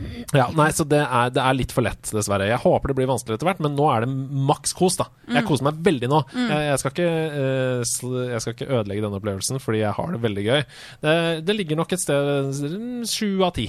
Hei, Foreløpig. Og det er ikke så verst. og nei, det er bra, det, altså. Det Det, er ligger et sted mellom fire og fem, og det er verdt å spille. det. Absolutt, Og hvis du, hvis du elsker Pokémon-spill, så er det jo helt der oppe. Altså, Jeg altså, ønsker meg dette til jul. ja. Jeg er fremdeles litt på Pokémon Go. Ja. Du er det, og du er det! Ja, Kom en jeg- liten innrømmelse fra høyre her. Det Men har vi hygga oss masse med. Har du, eh, har du pokestopp i nærheten av enten jobb eller hjemme? Ja, det er, og det er jo så masse Bare, bare tatt, sett deg på trikken rett Mm. gjennom sentrum her, så er det bare å samle kuler Mm. og baller. Oh, ja, ja, ja. bare, det er veldig. Er du av typen som eh, møter opp og tar gym challenges? Jeg er nok mest på samle, samledyr. Ah, samlebiten. Ja, ja, ja. Ja. Men det er Ja, for jeg, har, jeg har prøvd noen sånne kamper, men det, det, når det går dårlig, så Ja, Det er du det. veldig- Ja, ja, ja. Men er du, er du en som er spesielt god, eller har, samler du bare på så mange som mulig? Husker du liksom hvem som er din beste i Pokémon GO? Jeg husker jeg fikk en eller annen sånn fire, en sånn tiger en gang oppe på Majorstua. Ja. Og som, som jeg bare Oi! Fy søren. Og så var det en tolvåring ved siden av meg. Ja, er den bra? Ja, den er kjempebra! Og jeg bare, og, da, da følte jeg meg litt Ja, da var da, var jeg litt i nerde... Men det var ikke det nydelig! Da var det Nydelig. Ellers så vil jeg jo anbefale Det kan jo hende eggink er noe for deg. Ai, ai, ai. Ja, det høres sånn ut, ja. altså. Ja, du satt med sånn veldig store øyne og så på jeg Ida. kjenner litt på den der. Ha på lyd, det er hyggelig. I hvert fall en stund til du blir gæren. Helt til slutt så ble jeg så inspirert av at nerdelandslaget fikk sin første norgesmester i Heartstone denne uka. Det skal vi snakke mer om senere. Dette, dette er nerdenytt. Det skal vi snakke mer om senere, eh, men jeg har tatt opp Battlegrounds igjen, som er en mode da, i Hearthstone. Og det er fortsatt den beste autobattleren på markedet, det mener jeg. Du trenger ikke bruke en krone for å spille og det mener jeg helt Altså, der trenger du faktisk ikke bruke en krone. For det er jo ikke sånn at du samler på kort. Altså, du får tildelt du får tildelt en hero, og så spiller du med den.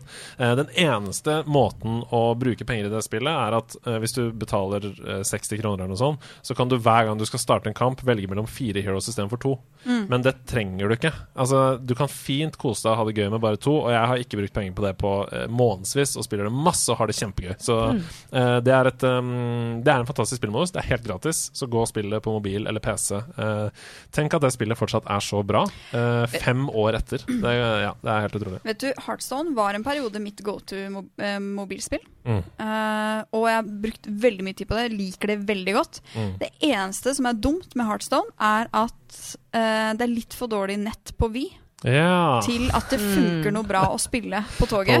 Spesielt Ja. Når du passerer Slitu, så er det innmari vanskelig å få inn nok nett. Prøv å ta toget til Gjøvik. Oi, oi, oi, oi, oi, oi. 4G-hull langs veien. Vi skal videre. Ha med, ha med dag. Hey, hey. Ha med, ha med dag. Ha med ting etter ditt behag. Det er Tinker Tinker Town. Let's go, Tinker Tinker Town. Lurer på hva du har med. Alle sammen, la oss se La oss se hva du har med. hva du har med! Du ser så lur ut. Er det noe til meg? Tenk at han har tatt turen hit fra Frogner, hun. Har tatt med seg en kommodore, nei, det glemte hun. Men var hun med i sekken sin? Er det gaffel eller kniv? Eller er det en hund som har liv Oi, liv! på denne damedag? Det er damedag! Det er damedag! Ja, men det er det! Ja. Det er damedag i studio. Ja. Det er to damer og én mann her. Er dette andre gangen? Jeg, det tror jeg kanskje det er. For forrige gang var da Doris fra Nei, det var, var det ikke deg og Kit? Uh, ja. Kit Doris? Nei, heter hun ikke det? Nei, nei Kit Ida Doris. det. Doris. Det Ida har vært- Doris. Det har vært tre ganger, da! Ja, det er fra Ida Doris òg. Ja, Men det er ikke dette det skal handle om. Hva har du tatt med deg på ha-med-dag til oss? ja, jeg hadde jo tenkt å dra til Drammen i dag og hente den der Commodore-saken, men det Ja. snødde så Jeg tisa det litt i vignettene. ok, da forsvinner altså Tinka Tan Beck fra uh, mikrofonen. med For hun har med seg- en pose, en sort liten veske. Eh, hvis Er det hun en skal- daybag? Det er en daybag. Det er en daybag! Det er Wow. daybag! Hvorfor kan, alt. hvorfor kan dere disse begrepene? Fordi alle, alle kvinner mellom 15 og 80 har en eller annen day, daybag. Ja, det er greit. Jeg ønsker meg også daybag til Ja. jul, Camilla. Nå hører vi ikke hva Tinka sier, for hun er Nei. langt unna mikrofonen. Men, og, men hun er hun operer, hun, Det er eh, Hun jobber hardt nedi bagen Ja. her. Daybagen, den sorte daybagen. Å, det er Wow! Dette kjenner jeg igjen! Wow! Det er rød utgave av. Flåklypa Grand Prix. Å, Og det er, er, det det, er det det ti år gamle spillet? Ja, det er den aller, aller Det her er, og, den er, og det er mint condition. Den er ikke åpna engang. Kan jeg få ta opp den? Den er sealed! Det er en sealed Flåklypa Grand Prix rød utgave. Du må snakke i det- mikken. Jeg tror rett og slett du skal få den. Nei! Kødder du nå?! Jeg vet ikke om du kan bruke Du kan jo ikke gi meg ting. Det er ingen som kan gi meg noen ting, for det er bare Det er liksom autoreaksjon. Alle vet Jeg at Ida, du skal få Flåklypa Mener du det? Ja, det er den Du aller, er- aller første. Men du, det fins jo nesten ikke. Det går ikke an å få tak i noe sted. Nei, Jeg må si tusen takk. ikke det. er Jeg, jeg tror nemlig jeg har en til. Å nei, nå blir, nå blir jeg rørt òg. Herlighet. Jeg begynner å sippe her, jeg òg. Ida, morsomt, du må holde det opp, for jeg må Ja, ta bilde bare-. Men fortell, hva, hvordan ser det ut på coveret? Det er det, øh, jeg, eh, det, er Noe av det morsomste som jeg husker fra første versjon, er jo det står 'anbefalt aldersgrense 4 til 107 år'. Veldig, Og du vet hvorfor? Nei, fortell. Fordi vi ville ha så lav aldersgrense som mulig. Alle, alle skulle få spille mm. familiespill. Mm. Og så var det den eldste personen i, landet på det tidspunktet var 104 år. Det er Nei, gøy! Hva sa du? 107, ja? Ja, Oh, faktisk. Og det er Det eh, er fantastisk. det er, det er eh, Jeg bare OK. Eh, den er rød. Det er den røde utgaven. Det er det første spillet. Det er Den er stor. Stor eske. Stor, Ja, fin eske. A5, kanskje? Eller noe sånt. Jeg vet ikke. Jeg, ba- jeg er litt sånn Du må lese på baksiden. Ja. Ja, dette, var, dette er stort. PC-spillet Flåklypa Grand Prix. Flåklypa-spillet er basert på tidenes mest populære spillefilm. Det er underholdende, innholdsrikt og morsomt, uansett om du spiller alene eller sammen med venner og familie. Spillet har en enestående grafisk kvalitet og mer enn én time med nye festlige animasjoner. Ja, det er helt rått. Det er helt Eh, riktig. Ida, det er helt eh, jeg bare, kan du please det, aldri åpne den? Du får ikke lov å åpne den. Nei, er du gal?! Jeg har ikke hatt hjerte til å gjøre det. Nei, vi- jeg, denne skal ikke åpnes. Ja, det Men- er helt fantastisk, og det er ikke tull, altså. Jeg, jeg, Ida, umiddelbart tårer. Det er Eh, eh, Jeg så det. Jeg så det. Eh, ja, og nå er jeg bare Jeg, jeg er varm. Eh, og jeg har litt høy puls, og jeg kjenner at jeg er rød i trynet. Um, eh, og så vet jeg ikke helt åssen jeg skal reagere. Men jeg vil si tusen hjertelig, hjertelig hjertelig takk. Vær så god. Så gøy. Ja, Nei, dette jeg, var, eh, mm, Dette var en innertier av en ha-med-dag. Tusen er takk, eh. Tinka. Fantastisk. Nå skal du få summe deg litt, du, mens Jeg vi har én ting til Nei! som jeg egentlig ville fortelle en liten historie. Ok, hun har én ting Ja. til. Du må si det inni mikken. Vi hører ikke hva en hun sier. som er litt viktig i, i rollenhistorien. Tinka har én ting til som hun vil ta opp. Det er jo da også Nei! Oi! Dette Men, er også eh, et spill. En litt sånn battered version her. Men uh, det er uh, Englespillet. Englekrasj. Tenk på det. Det er englekrasj, også fysisk. Fra 2008 ble det vel som det gikk gikk ut. 2008. Det er 13 år Som, siden. Snart 14 år siden. Ja. Og det, det hadde både spill med CD og så ville vi gjøre en sånn um, uh, En litt sånn online-offline um, aktivitet. For vi ville at barna skulle gjøre begge deler, selvfølgelig. Både sitte inne og spille og lese bok. Eller, eller ute i naturen. Så da har du den oh, den er englestreker ved siden av. Oi, det er en Som, liten eh, bok som følger med, ja. Ja. Hvor du kan som, løse oppgaver og skrive og notere. Som det både er litt historie om disse karakterene, og sånne, sånne aktivitetsbok. Og et par oppskrifter, faktisk. Å, det Den er ene så er en sånn cool dip som jeg lærte i, i, i USA. Så ja, det er det. Men det som er litt spesielt da med dette spillet her Vi måtte jo sette det på hold Ja. uh, for å gjøre det um, Snakeball-spillet. Mm. Men uh, den dagen som dette spillet kom på markedet, så ble vi saksøkt Nei! for å ha stjålet disse figurene. Nei? Hæ? Dagen spillet kom ut. Nei. Ja, fordi dette har jeg lest om i researchen. Ja.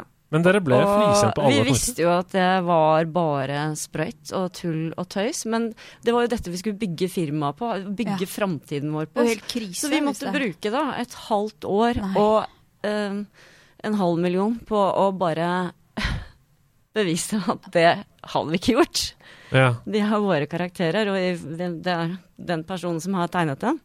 ja det ble, og dere ble jo frikjent på alle punkter i retten òg. Og den dagen som vi ble frikjent, Mm. så vant vi gullstikka. Og samme spill. Ja! Utvi... Altså u... Karma! Ja, det, ja, er det ikke det? Max Ja, jeg, jeg Redemption bare Story. måtte få med den Ja, ja, ja. historien der. Men- ja, nei, det er Men måtte dere Trekke du har lyst på den. trekke Den. Oi, kan jeg få sliten. Ja. Hva skjer med Wow! Dette er spillhistorie! Terningkast seks fra er terningkast fem fra VG, terningkast fem fra Dagbladet, terningkast fem fra Aftenposten. Der er bilde av en liten djevel Oh. Hjelp småenglene Frans og Fia med å finne instrumentene som forsvant da de krasjet inn i skyen til engleorkesteret! Dette er perfekt for meg. Og så nå kan Eh, du lage englesnacks også?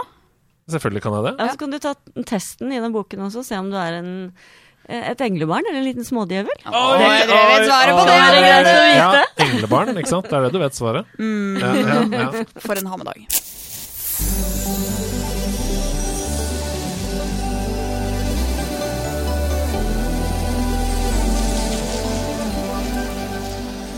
Jeg har puttet fyrstikkene bort til bålet og tent i peisen, for vi skal til story mode. Og det er jo veldig sjelden at vi er inne i story mode. Men i story mode så er det jo sånn at når vi har opplevd noe i løpet av en uke, så skriver vi en liten historie om det vi har opplevd, og så forteller vi den rundt bålet, som dere hører her som knitrer foran oss nå. Og denne uka her så har ikke jeg opplevd noe som helst, men det er en som har vunnet et visst norgesmesterskap, som har sendt inn en historie om det. Eh, Det har skjedd noe veldig veldig Han, han heter altså Jo Amund Utne Gustad, og på um, Discord heter han Nuclear Ape. Eh, for de som kjenner han. Han har vunnet nederlandslagets første norgesmesterskap i Hearthstone! Det er helt rått. Gratulerer. Han hadde på seg nederlandslaget-genser med brodert kjøtt på stream i finalen! Eh, og han pekte stolt på kjøttet da seieren i Telialigaen var et faktum. da Og det er jo sånn som fotballspillere gjør når Ja. de scorer. Det peker på emblemet. På Og jeg kjenner jeg blir så rørt av at liksom Yes, laget! ja, og det har han skrevet en historie om, og det er denne ukas story mode. Så jeg bare setter i gang jeg, og leser den historien. Er dere klare til å lene dere tilbake? Våren 2020 ga meg som andre ekstra innetid til gaming. Gjennom anbefaling av Slay the Spire så ble jeg relativt hektet på kortspill, og med stadig drypp om Heartstone fra Hedemann så ble det etter hvert testet ut. Samlemani, progresjon og konkurranseinstinkt ble euforisk forent fra første stund. Gjennom Heartstone-kanalen på Discord så har jeg fått diskutert alle deler av spillet med engasjerte mednerder og pratet om løst og fast når det har vært godt med litt pause fra Heartstone. Jeg ble engasjert i competitive Heartstone og kom meg til sluttspill i Telialigaen både høsten 2020 og våren 2021, men med middels resultat. Nerver og stress i forkant og underveis gjorde at jeg egentlig følte meg ferdig med competitive spilling, men fordi jeg setter stor pris på at Teleligaen lager arrangement for Heartstone, så ble jeg med i årets høstsesong for å støtte arrangementet og prøve å spille med lave skuldre uten press om å komme videre. Før årets sesong har også lille Synne blitt med på laget vårt, nærmest født i en ispauseshorts på Haukeland sykehus.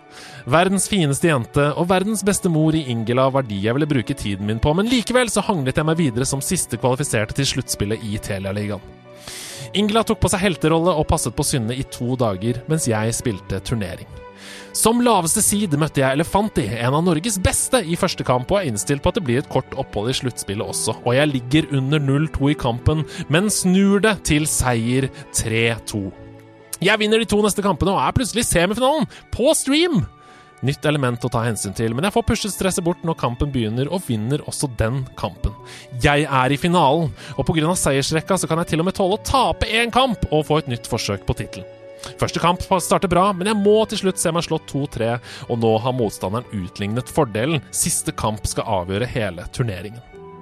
Etter to døgn med konstant Tarzan-spilling og tenking er hodet en lapskaus og nervene tynnslitt, men jeg spiller likevel etter forholdene veldig bra, vinner kampen 3-0 og kan feire norgesmestertittelen. Med lånt nerdelandslaget genser fra Ingela fikk vi også godt vist frem hvor godt den kan prestere. Det er nerdelandslaget generelt og Heartstone-kanalen spesielt som er grunnen til at jeg kan spille på dette nivået, så hjertelig takk til alle sammen. De viktigste er selvsagt likevel Synne og Ingela, som gjør at jeg kan drive med hobbyen min samtidig som jeg får være med dere. Det er helt fantastisk. På fredag får Ingela og jeg barnepass, og vi feirer med Blippshow på Forum. La kjøttet gå, og pannekakene rulle videre. Det er koselig. Det er så nydelig.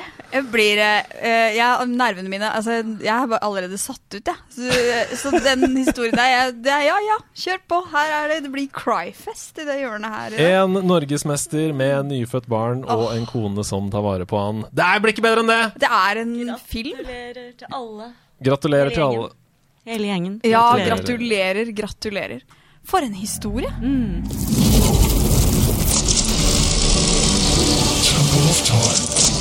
Det stemmer, vi har tatt turen inn i Temple of Time. Dette konkurranse...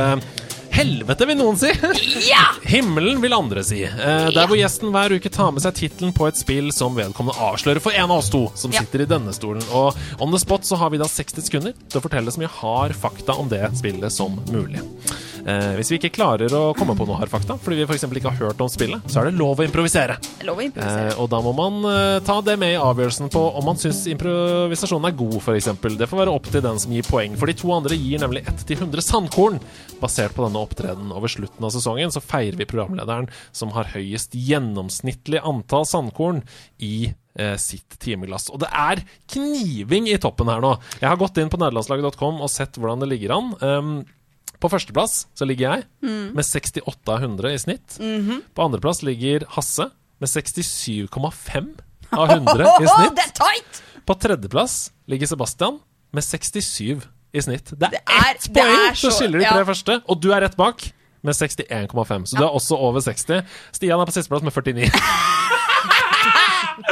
det er gøy. Men også, ja, det er Han har mange andre ting gående for seg, så vi trenger ikke synes vi, synd nei, på vi han. trenger ikke synes synd på han. Men uh, som sagt, altså, uh, disse opptredenene inn mot jul nå, Mhm. de kommer til å avgjøre alt sammen. Så uh, Tinka, eh, kom deg fram til mikrofonen og, be, og fortell oss hvem det er du har tenkt å utfordre. Hvem er det du vil skal i stolen i dag?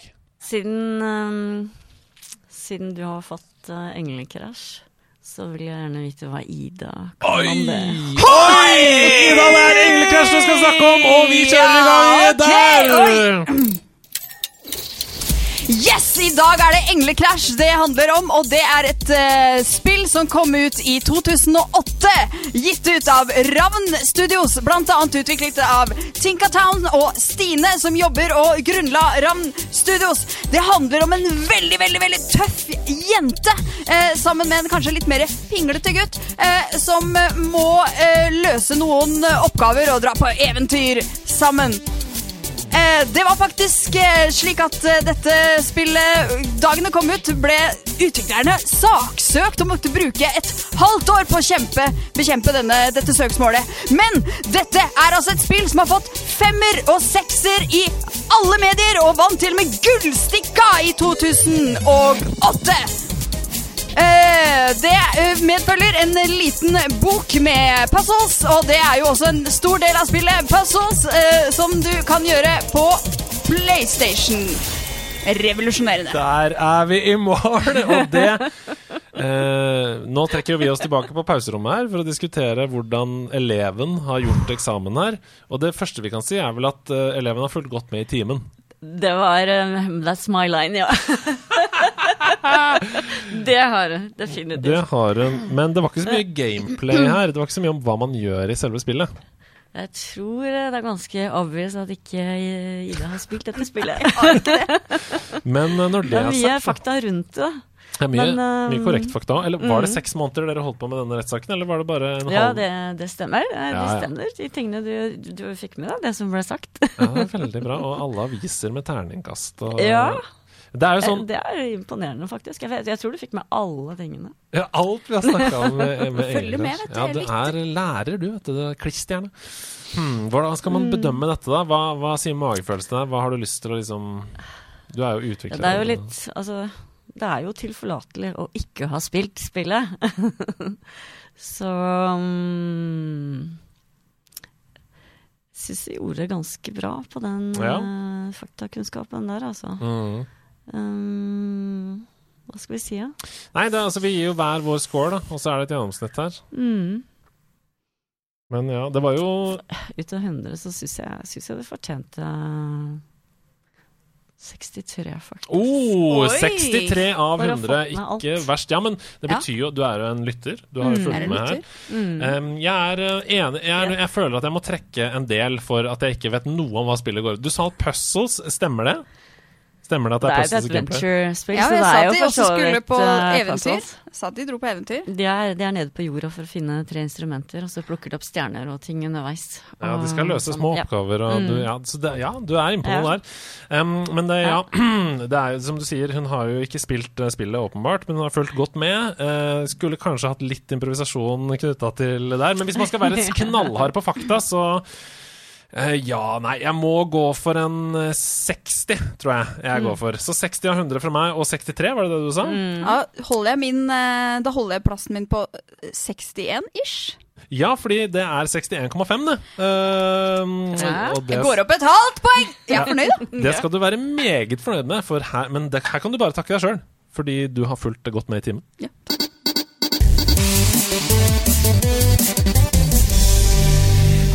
Ai, que! Mitt navn er Andreas Hedman, og dette er Nerdenytt.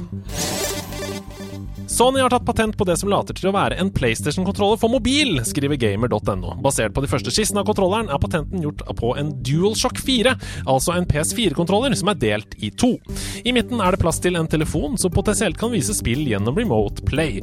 Designet er med andre ord ganske så likt som Nintendo Switch eller andre lignende kontrollere for mobiltelefoner.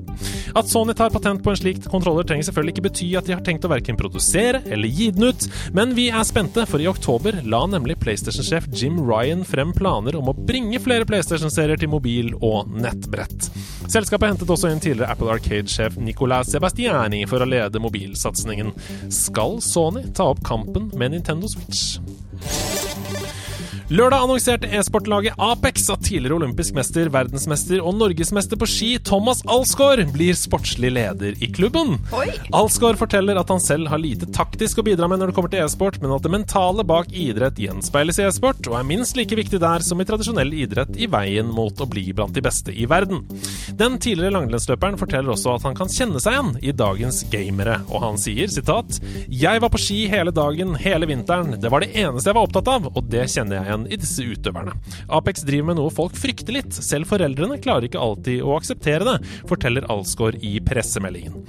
Apex ønsker altså at Alsgaard skal bidra til å gjøre gaming mer spiselig og forstått. Det forteller daglig leder Denise Arnfinsen. Psyonix har sluppet et helt nytt Rocket League-spill til både Apple og Android-telefoner, skriver Pressfire.no. Det nye spillet har fått tittelen Rocket League Sideswipe og blir en justert opplevelse sammenlignet med konsoll- og PC-spillet. Kampene i mobilspillet blir på to minutter, og kun én mot én eller to mot to, i tillegg til at selve målene er flyttet lenger opp fra bakken eller er basketkurver. Utviklerne insisterer på at spillet er lett å lære, men vanskelig å mestre. Om det stemmer, det kan du finne ut av helt selv uten risiko, for Rocket League Sideswipe, det er helt helt gratis. Ok, og så til ukens hovedsak. Eh, og selv om det ikke er en høyaktuell sak den uka her, så vil jeg si at den alltid er aktuell. Spesielt i lys av de siste månedene med Blizzard-skandalen som vi har stått i nå. Og når vi da i tillegg har en med førstehåndserfaring på besøk i studio, så føler jeg at det er en forsømmelse av vår tjeneste å ikke diskutere og snakke om det. Så jeg snakker selvfølgelig om kvinner i spillbransjen. Eh, kvinnelige spillere, kvinnelige spillkarakterer og alt eh, der rundt. Eh, og da har jeg bare lyst til å spørre rett ut, jeg. Hva er den største utfordringen for kvinnelige spillutviklere i dag? Um, det er jeg, jeg, vet ikke. Det er vi, vi har liksom aldri tenkt på det, Stine og jeg, så veldig mye opp Nei. Vår, eh, vår reise. Mm. Eh, vi, vi har hatt et par opplevelser som er litt sånn Ikke den der daglige traten, men vi har vært på, har vært på spillkonferanser som det har vært eh, menn og menn og menn hele dagen, og som du sa, god plass på dametoalettet og sånn. Og så, og så kommer festen på kvelden, og så er det plutselig masse damer som vi ikke har sett i det hele tatt. Mm. Det, det er bare en sånn opplevelse som vi har hatt et par ganger. Ah, ja. Um, Ja, fordi- Som også er litt rart, som henger igjen. Men, um, men det er noe Likevel så tror jeg en del syns det er vanskelig å bli hørt, og Mm. kanskje tatt på, på alvor i enkelte settinger. Um, det er mange som trodde, eller antatt, at uh, vi har vært uh, enten salg eller marketing når vi har vært ute, selvfølgelig. Alltid like sjarmerende? Ja, det, Kommer de fra HR? Ja, ja, ja. Åh. Men, eh, men jeg syns jo de som, de som vi har møtt i møter og sånn type meet to match og sånn, har eh, De har vært litt sånn har sperret øynene opp, men eh, de har fort forstått at vi vet hva vi driver med, og så Mm. behandler de oss på, på lik linje med alle andre, tenker jeg. Ja, for den, akkurat den detaljen der er jo viktig. Eh, dere har jo åpenbart eh, kunnskap. Ja, så vi har en liten track record og ja.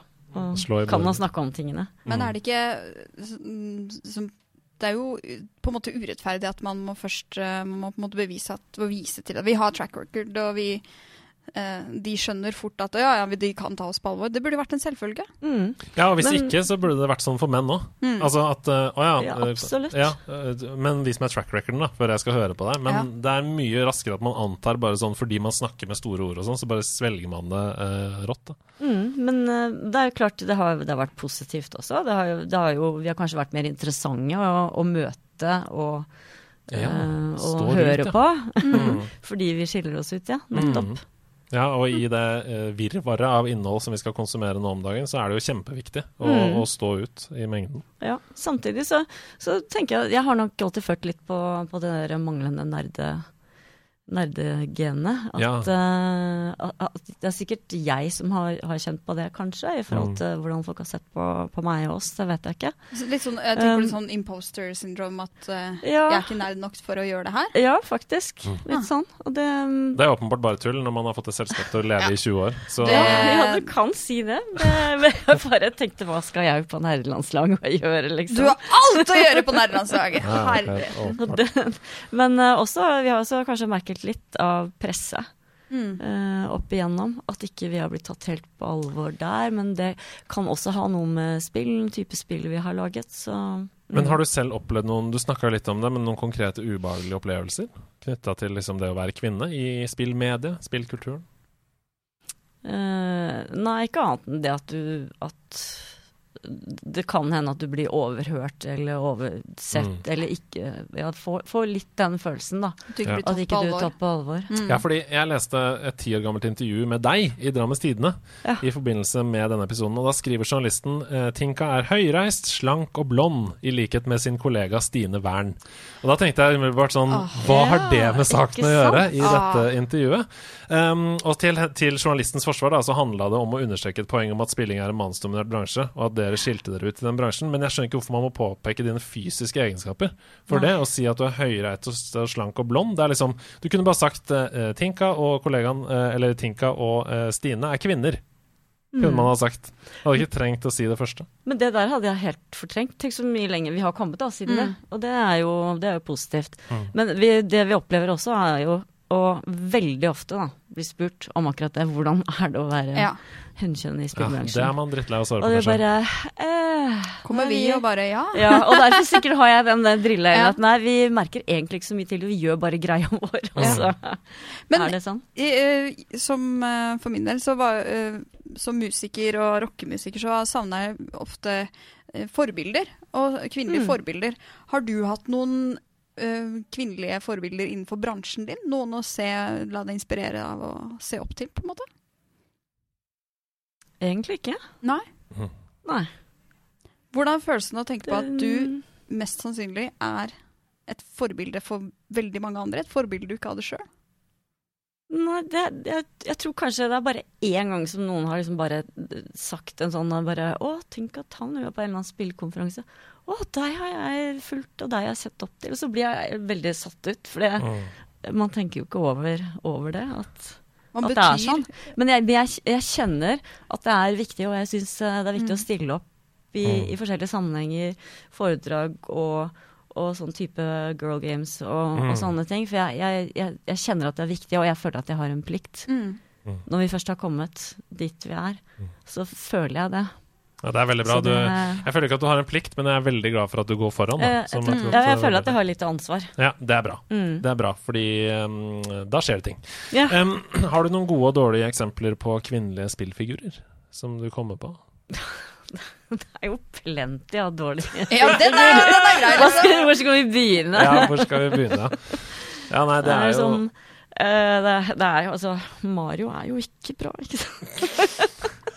Damsel in distress og Ja. ja. redde prinsessen. ja, som er hjelpeløs i sitt Ja, eget slott. Mm, Det var en kjent person her i landet som kom til oss og ville lage spill, og så foreslo han et eller annet i den Mm. duren der, og jeg bare Sorry, Mac. Skjer ikke her. Det, sånn blir det ikke. Nei. Det Ja. Hun kan godt få redde han, men, eh, eller hjelpe han, Ja, men det er eh, kult. ja. Kanskje han kan være uh, innelåst i slottet sitt. Å, Ja, det er gøy! er Det er gøy! Det er gøy! Det liker jeg. Det er liker jeg veldig godt. Hvordan kan vi jobbe for å få flere kvinnelige stemmer da, inn i uh, både altså spillmedier generelt? Ikke nødvendigvis um, bare spillutviklere, men journalister og, og i alle deler av spilldekning. Ja, jeg, jeg tror det å folkeliggjøre det og forklare, eller uf ufarliggjøre det. Mm. Um, vi har jo også prøvd å ansette eh, jenter hvis vi kan. Hvis uh, det passer seg, så tar vi heller henne, for å si det sånn. Mm. Um, det har ikke vært så stor tilgang på det, men det har det jo blitt mer og mer, så det er helt superbra. Mm. Og jeg tror det er en prosess som, som går, går i rette veien nå. Mm. Så det er jeg veldig det er glad for å se. Ja, Mm. ja ser det bare på konferanser sånn som GDC i, i LA, nei ikke LA, men i San Francisco. Så, eh, opp gjennom årene så er det en kjempeforskjell bare på noen år.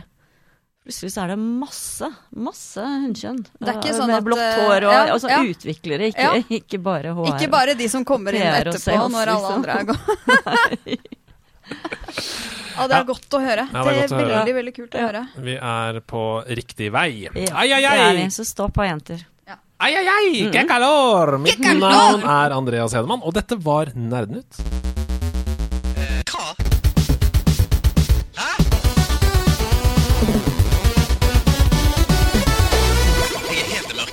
Nå. Er Tinka Town livredd der hun sitter i stolen sin. Jeg ser på PC-en hennes. Hun har prøvd å snike seg ut av rommet, men vi har kastet en lasso rundt henne og fått henne tilbake i stolen, for det skal konkurreres i spillmusikk. Det som er gøy med Bit for bit, som denne spalten heter, eh, til forveksling slikt Beat for beat, som går på NRK, det er at vi spiller av en del av en sang fra et spill, og så må dere skjønne hvilket spill det er denne musikken er hentet fra. Og hvis dere ikke klarer det på første ledd, så legger vi på litt mer av sangen, og litt mer helt til sangen er i sin, eh, ved sine fulle fem. Og da um, kan det hende dere klarer det, eller ikke. Hvis dere klarer det på første ledd, så får dere tre poeng. Hvis dere klarer det på andre, to poeng. Hvis dere klarer det på tredje, ett poeng. Og hvis dere ikke klarer det, så får dere null poeng. Det som er fint designet med denne konkurransen, det er at det er gøy å høre på selv om man ikke klarer det. Så senk skuldrene, ta det Ja. med ro. Dette går bra. Dette, bare, dette er ikke mitt forte. Eh, så jeg håper du, Tinka, er god på det her. Jeg er ikke det. Jeg er ikke det på film heller, selv om jeg ser ufattelig mye spill, nei, film også, så vi får se. Ja, men Det det er er noe bra, for da får, eh, da får vi Lytterne får vært med og, og hørt alle Ja, delene. og dere lyttere, dere er jo på en måte den tredje konkurrenten som sitter i studio her. Så husk når, når dere går på gata og hører på dette, sitter i bilen og hva dere gjør, rop ut når dere vet hva det er dere hører. Akkurat som dere må. Dere må rope navnet deres når dere vet uh, hvilket eh, spill vi skal fram til. Her kommer første ledd i oppgave én.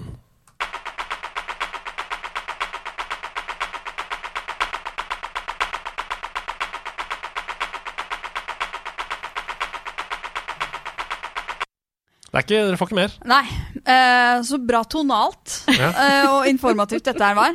Jeg, jeg, er, uh, jeg føler Skal vi være litt på lag? Er det Jeg tror jeg har faith in you, sister. ja. Da får dere avgjøre dere imellom hvem som Ja. får poenget i så fall. Hvem som har mest ja. Eh, Jeg tenker Dette må være noe sånn Dette er tidlig.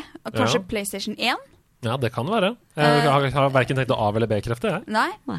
Eh, A, B Ja da, vi skal, er kanskje på Nintendo, da, hvis du er inne på A, B-knappene. Oi! Det kan hende. Det. Jeg har ikke sagt noen ting, jeg. Det- det- Jo, du har sagt veldig mye, på en måte. Med fjeset mitt? Ja. Um, ja, hvilken sjanger føler dere vi befinner oss i her, da?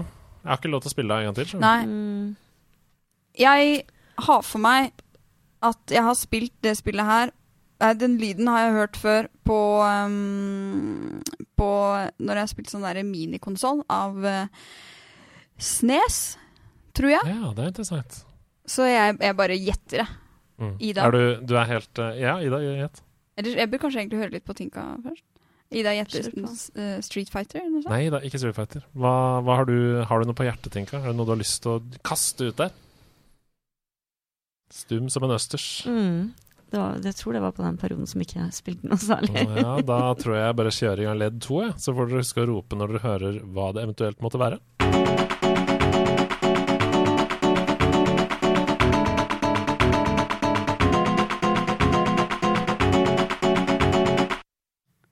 Ja, det var noe mer som skjedde i Ida sitt der. Caliente! Det er jo noe spansk eh, opplegg her. Ja, Det er det. Ja. Det er ikke Leisure Suit Larry heller. Nei, det er det ikke, men der avslører du kunnskaper om din egen Ja, spillkarriere. det har ikke du sagt om før. Nei. Jeg glemte det. Ja. Oh, men jeg føler, jeg føler virkelig at jeg har hørt det her før. Mm. Um, Det kan godt være at du har, nemlig. ja Men dere sier jo Hva slags type spill er det? Jeg tror at det her er, det her er nyere Det her er s- se, Altså tidligst PlayStation 1. Uh, for jeg syns lydkvaliteten var Det var ikke liksom uh, Det var ikke så dårlig som du frykta. Nei, Nei. Det var bedre enn jeg uh, Ja. Jeg tror jeg må be om et svar. Ja. Det er nok mange som hører på, som river seg i Ja. Ja, det er klart de gjør det. Det er klart de gjør det.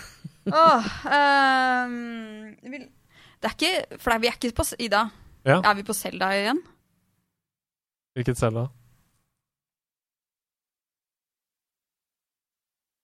Eh, åh.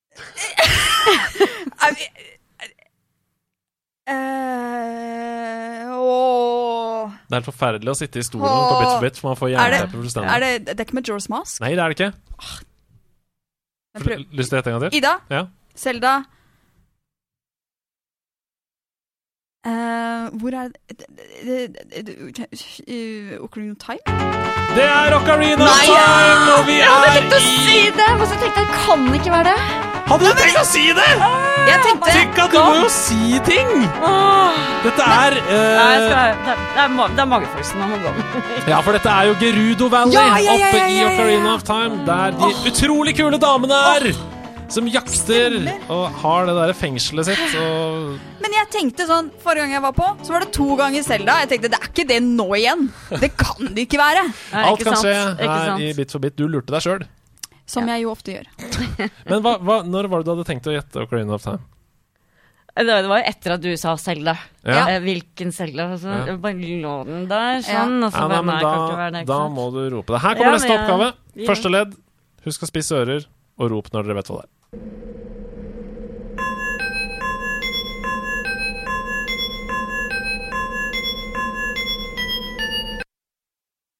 Åh, og det hørtes kjent ut. Ja, det er noe miljø faktisk i bakgrunnen her. Ja. I, hva, hva er det vi hører da? Det er noe postapokalyptiske greier her, tror jeg. Ja, ja. Spennende. Det er noe Nei, nei, nei, nei. Å, Åh, Ida rister i hele kroppen. å, det her er irriterende! Si det, Ida. Si det, Ida. bare gjør det. Si det. Musikergenet river henne i fillebiter nå. Ja. Hvor har hun hørt disse absurde tonene som uh, Ja, for det kommer flere toner, og det er litt sånn halvtonalt kult, men også litt surt. Ja. Åh, herligheten da. Skal dere ha ledd to, eller? Slenge på litt mer uh, her? Vil du gjette Tinka? I have no clue. Jeg kan si at vi er i samme tidsalder som det forrige spillet som var i konkurransen. Det er til og med samme konsoll. Ocarina of Time, det var på GameCube, var det ikke det? Nei da. Nei, det var på Nei, ikke sant. Men jeg spilte på 3DS. Ja, nei, det var på 1964. Ja. Mm. Jeg var ikke Vi uh, kliner i gang med ja, ledd jeg nummer tror vi må gjøre det. Det var ledd nummer én en gang til.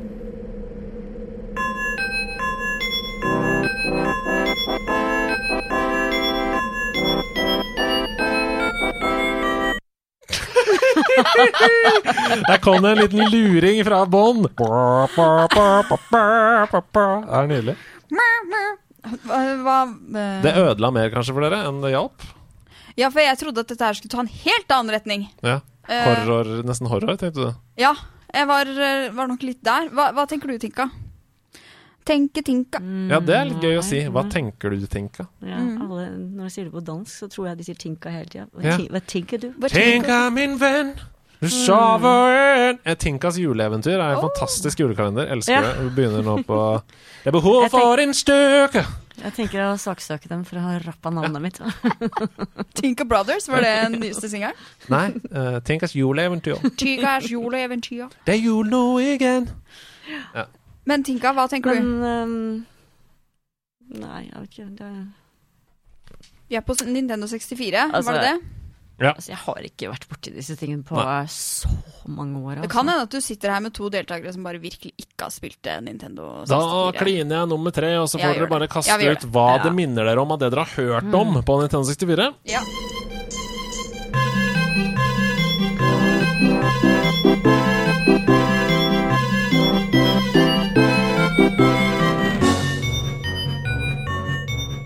Helt i. Mario, oh, ja, Mario-land. Ja, jo, jo, jo. Det er, det er litt fjasete og gøy og ja. Ida? Ja. Kirby? Nei! Kirby, ja. Å ja, var det Nei, helt det er ikke fjernt? Kirby. Nei. Jeg bare Det er eh, Kjørte På på. denne tiden så kom det jo Altså 3D-plattformsjangeren var jo veldig, veldig stor.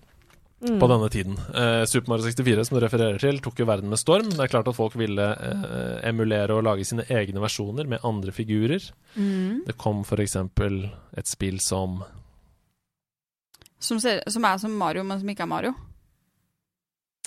Hvor du eksempel styrer to figurer. Den ene sitter oppi ryggsekken til den Ah, andre. er vi på, på Donkey Kong? Nei da, det var nemlig det tredje av de tre spillene jeg snakket om. Det, det siste i denne sjangeren, som kanskje ble et av de største. Det er noen puslespillbrikker der, det er en heks oppi et uh, fjell.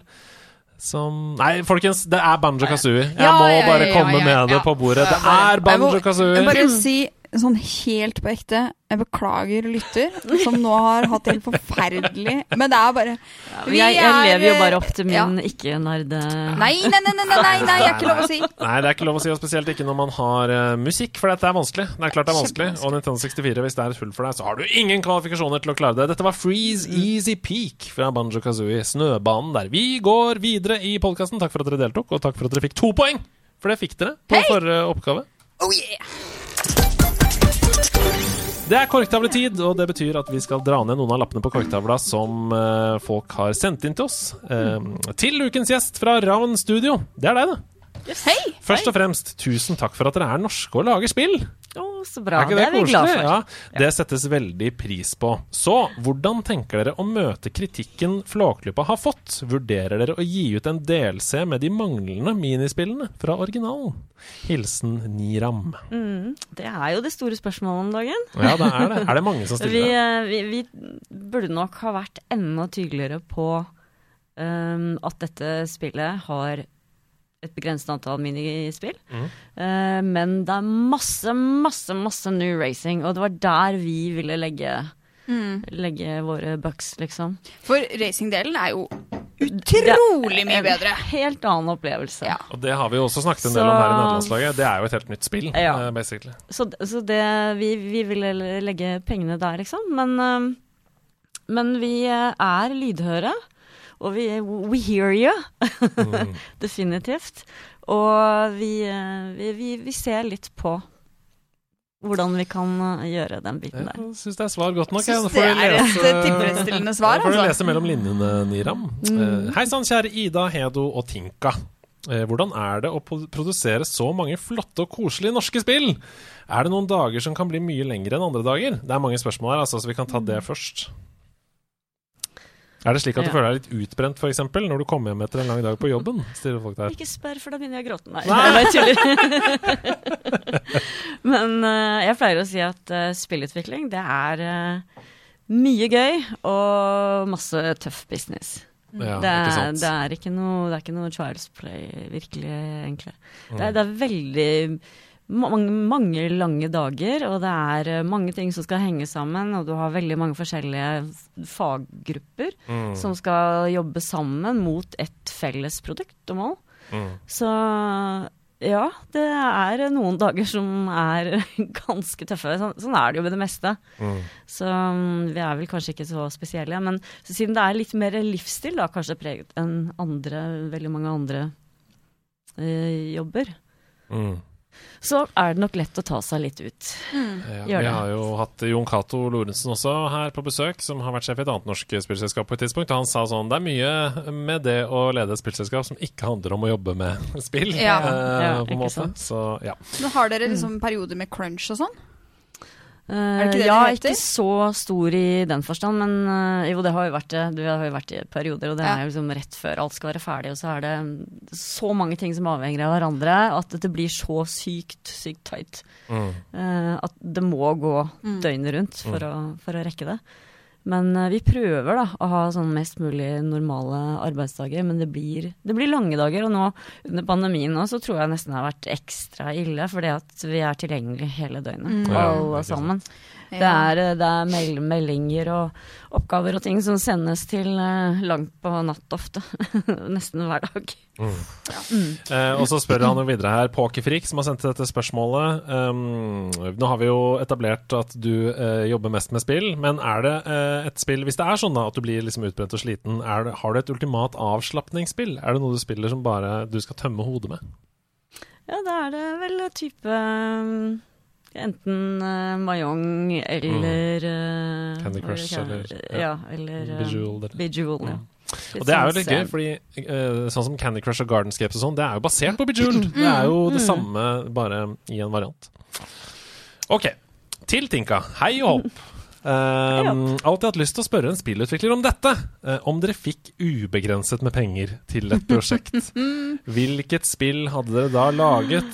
Hva hadde det handlet om? Og så er det veldig mye sånn gameplay, hva slags stemmeskuespiller ville lagt leid inn, eh, sjanger. La meg høre om ditt ultimate spillprosjekt. Eh, stå på, og lykke til videre. Hilsen Outeren88. Ja, tusen takk. Og jeg har jo, har jo et spill som ja, i hvert fall jeg har hatt i hodet da, over lang tid. Mhm. Som vi både Eller jeg jobber med historien, um, som avslører kanskje litt mye, men uh, kanskje det bare hjelper å spanke, sparke meg litt i gang igjen også, når jeg får tid. Um, basert på kanskje hekseprosessene i Nordland på 1600-tallet. Med utrolig kul musikk og en sånn litt sånn skummel stemning og eh, litt sånn eh, detektivaktig utforskende adventure gameplay med, med folk i hælene på deg og mistro og løgner og eh, ja. Dette spillet vil jeg veldig gjerne at skal eksistere. ja. Det må vi bare få til. Ja. Du er ganske eh, liksom knytta til det norske og øh, kulturen, på en måte? Eller øh, Ja, jeg syns vi har en viktig historie, og, og faktisk akkurat den historien der, det, det var et stort antall, eh, stort sett kvinner, da, som ble brent på bålet i forhold til resten av verden. mm. Så jeg, jeg tenker at det er viktige historier å fortelle, som man bare kan lage deilige, kule, spennende spilleopplevelser av. Da tenker jeg Dere som gir ut penger, kast noen penger den veien der, og gi oss det spillet. Mm. Det trenger vi.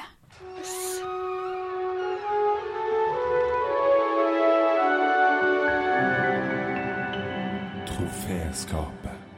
Det stemmer, kjære lytter. Du hører ikke feil. Vi har for én enkelt episodes skyld um, gjenopplevd en spalte fra de første sesongene av nerdelandslaget, nemlig Troféskapet. Der hvor um, vi som programledere eh, går på rundgang, eh, skriver eh, et kjærlighetsbrev til noe vi er spesielt glad i innenfor spill. Det kan være det å se på andre spille. Det har jeg skrevet om før. Det kan være Super Mario 64. Det kan være Borderlands 2. Det kan være mange forskjellige spill. Og Ida, du ba om en revival av denne spalten til denne episoden. Hvorfor det? Uh, fordi jeg synes at Oi, uh, er det uh, et spill som virkelig fortjener å få stå i troféskapet, så er det jo Flåklypa-spillet. Vær så god. Det var i herrens år 2000 at det midt i julestria gikk gjetord. Helt inn i de dypeste skoger i Øymark, om en ny spillmagi. Mødre, fedre, brødre og søstre klarte ikke dy seg, de bare måtte rive seg løs fra ribbesteking og snømåking for å samle seg rundt den stasjonære PC-en. Hvem sin tur det var, ble overholdt og respektert, men kanskje kunne man få prøve en ekstra gang dersom man var veldig nær ved å klare banen. Nissen kom tidlig det året. Nissen hadde gitt oss Flåklypa-spillet. Plutselig var vi alle oppslukt i et nytt mål. Sokker måtte sorteres, epler skulle sankes med pastei for de råtne eplene.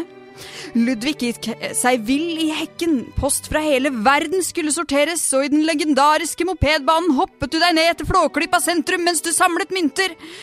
Alt dette for å samle bildeler. Familiens nye mål var nå å bygge Il Tempo Gigante, slik at vi endelig kunne slå Rudolf Blodstrupmoen og hans andrefører, Mysil Bergsbrekken. Snøen falt og smeltet, en ny vår og mange somre gikk. Den stasjonære PC-en forsvant, Flåklypa ble et minne. Et drøyt tiår senere var jeg ung og lovende student i Trondheim. Det var desember, og jeg gjorde meg klar til å reise hjem for å feire jul hos mamma og pappa. Det er litt tid å slå i hjel mellom flytoget fra Gardermoen og lokaltoget L22 til Mysen. Jeg surrer rundt på et kjøpesenter i Oslo på jakt etter den siste julegaven, når jeg plutselig får øye på noe. Dra meg baklengs inn i fuglekassa. Er det sant? Flåklypa remake til Nintendo DS? Verden sto stille, og julegleden flomma over meg. Jeg glemte nesten å betale for spillet i et forsøk på å kontrollere ekstasen for ikke å framstå som sprut gæren. De neste ukene var jeg fylt med en barnslig glede. Jeg la meg tidlig, og jeg gjemte meg under dyna for å sortere brev i post i poser til den store gullmedaljen. Ethvert tomrom ble fylt med nye rekorder og mestring. Om Miguel Picante fra Spania eller Leonardo Bosco fra Italia ikke fikk brevet sitt, så skulle det ikke være på grunn av meg. Timene gikk, og jeg ble et utprega B-menneske med blodsprengte øyne den jula. Men det var verdt det. Igjen falt snøen, og den smeltet. Flere somre kom og gikk, men lengselen tilbake til Flåklypa ble ikke borte. Og heldigvis så slapp jeg å vente stort lenger. For Flåklypa-spillet har kommet tilbake til Switch. Tusen takk til alle som har holdt denne drømmen levende. Alle i utviklerteamet som har sett den enorme spillegleden dette spillet har gitt oss, og som nå vil prege nye generasjoner. Takk til alle som har bidratt til crowdfunding og pusha på, slik at vi endelig har fått møte våre kjære venner igjen. 37 mil nordover, litt øst og oppover, på Flåklypa. Å, det var fint, Ida. Nå er det min tur til å si litt! Og da kjenner jeg at jeg gråter litt òg. Herlighet. my gosh. Det er en episode Dette er så fylt med emosjoner. Nå er det to som hylgråter. Det er så fint, da. Det var fint. Det var fantastisk. Dere er veldig fine folk, begge to. Du er fin sjæl, Andreas. Å, dette var fint. Tenk at jeg fikk lov til å framføre det for deg. Det er helt uh, Ja, det er ganske Dette er kult. Jeg klarte bare sveve. Vi Ja, men er det betyr jo ganske mye, da. Det betyr mye for mange, det. dette spillet. Ja, det betyr mye for oss som har jobbet så hardt for å lage det. Det betyr utrolig mye. Du skal vite, vi er mange takk som på alles vegne, helt klart. Ja, dette var et av de berømte øyeblikkene, dere. Eh, vi går videre til noe absolutt helt utrolig annet.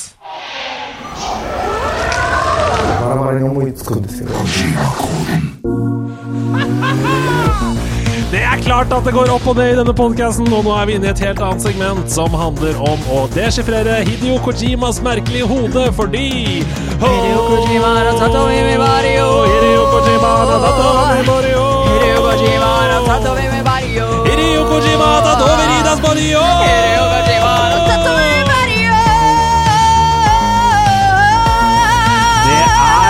helt riktig som dere hører. Domo arigato. Hideo Kojima har gått inn i Idas kropp for å lage noen Kojima-koder som vi må deskifrere. Og hvis du ikke har hørt om konseptet før, eh, Tinka, så er det sånn at Ida har lagd en rebus der hvor det befinner seg et spill. Og du og jeg vi må samarbeide for å vite hvilket spill det er som gjemmer seg inni rebusen til Ida. Så um, jeg tror du bare skal få lov til å begynne med å lese det første leddet i rebusen. Og så kommer jeg til å bruke deg som en slags pingpongball her, fordi eh, nå har vi jo etablert at eh, jeg har kanskje litt mer utøvende kunnskap i spill, eh, og, da gjelder, og da mener jeg å spille. Ja, da mener jeg å spille, ikke å lage, for der er du milevis foran meg. Eh, så derfor så kan vi jo hjelpe hverandre her. Ok, Ida, kom med den første Kojima-koden til oss.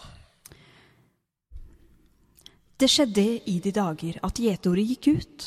Nå har oss alle fått et nytt spill, det er i hus. Alle sammen lo og ble helt hekta, sus og dus. At uka etter ble nesten Ida glemt på sykehus. En eng full av blomster, så snilt og så søtt. Men veldig snart det skulle bringe, seg, bringe med seg bare død. Oi, Det er den var lang. første av tre ledd. Å, Kjører på med tre herlighet, ledd du i dag. har klint til med ledd. Ok, så det var det første spillet Ida ble nesten glemt Ja, på sykehus.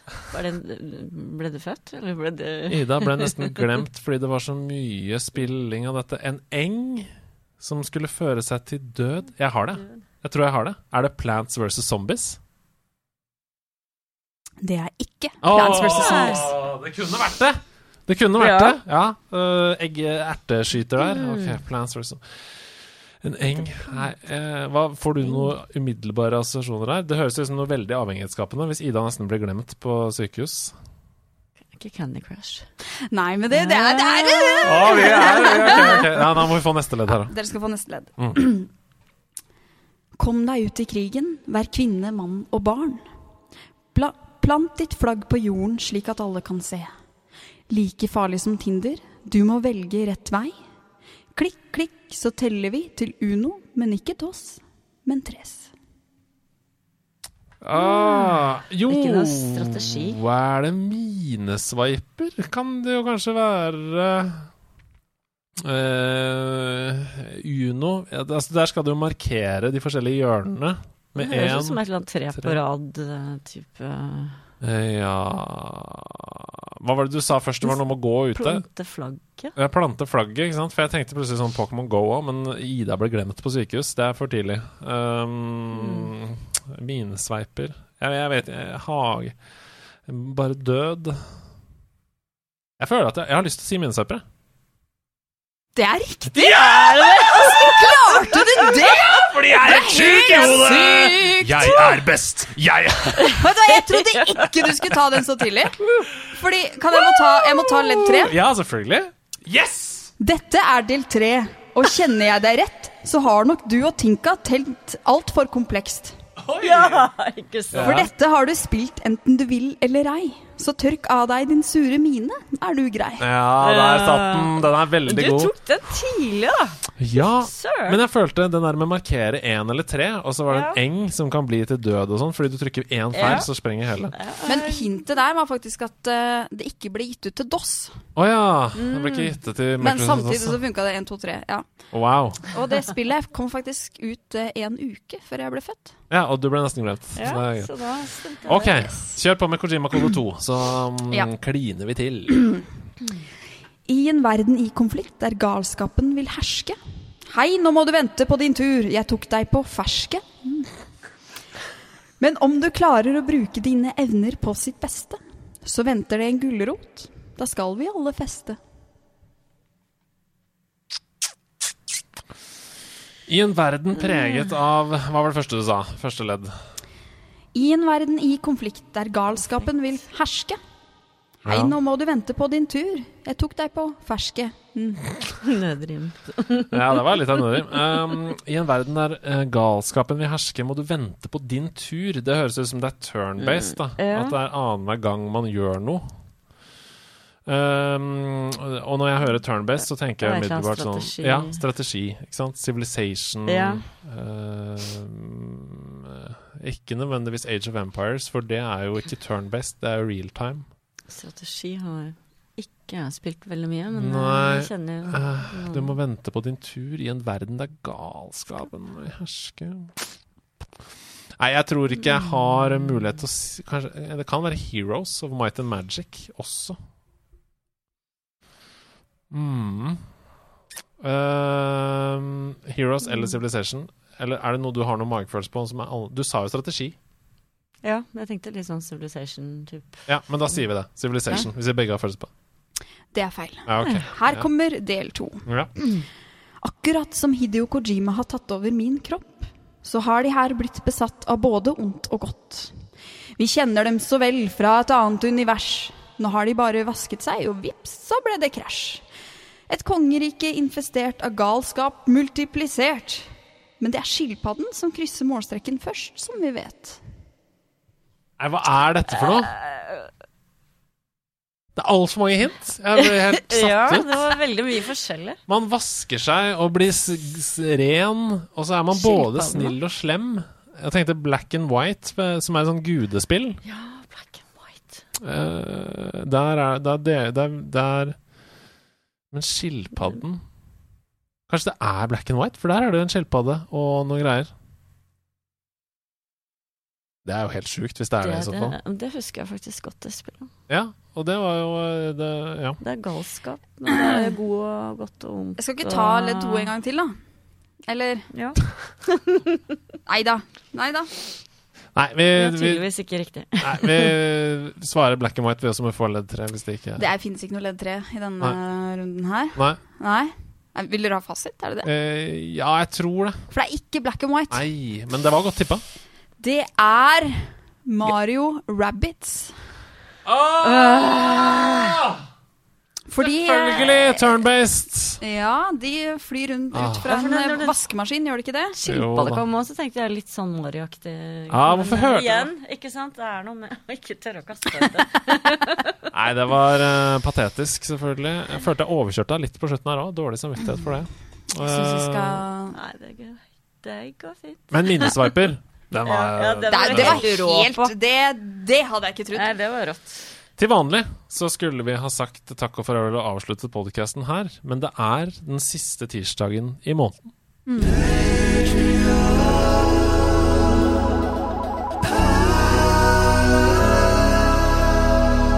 Patrion-perler var en uh, spalte vi begynte med for to sesonger siden, hvor um, de øverste tierne som støtter oss på Patrion, de får et uh, kunststykke fremført med sitt uh, navn i i løpet av stykket. Og før så gjorde vi det i hver episode. Vi hadde et absurd teater, vi hadde en rapp, vi hadde Kamelen var her og bidro på, sammen med Stian på noen greier. Vi har gjort utrolig mye. Vi har sunget opera, vi har gjort veldig veldig mye forskjellig.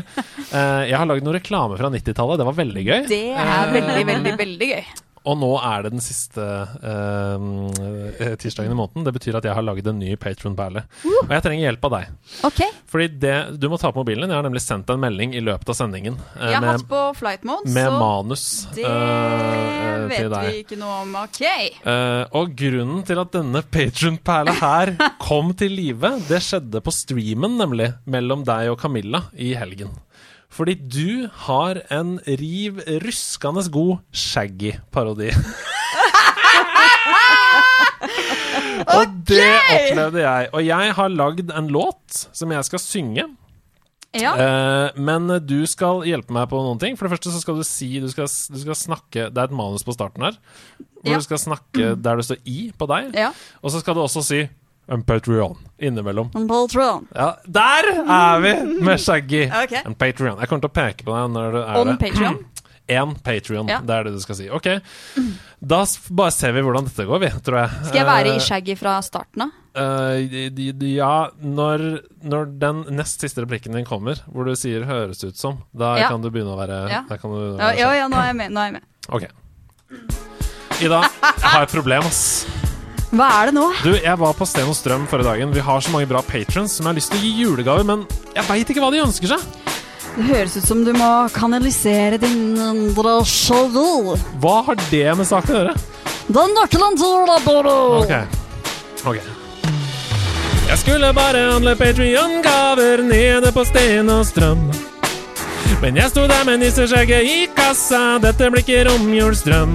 For hva ønsker Stig Hetland seg, for ikke å glemme Kristian? Jeg vil gjøre alle glade, men jeg er ikke noen nissemann. Og da sto jeg i døra med en liste med patroner, og på den sto det både Azar og Tore Dallaker. Jeg så meg rundt og tenkte, tar jeg heisen eller trapper? Jeg aner ikke om Magnus Wilhelmsen vil ha lamper. Jeg gikk inn på matkroken for å finne en filet, men han var ikke der, jeg kjøpte heller litt gelé. Og Freda liker skjellet med vaniljesaus, og deler den med Geshin, for hun er så raus. Et luftgevær til gamle Gunbar, En en bok som Caroline Mys har, En en drill som Geir Håkon får fart i. Hva skal jeg gi til Holy Gandhi? Moderne kunst til Arthur Gullav. En pizza En pizzaovn til Mats Gullstav. Og Lucy Vere for en solseng.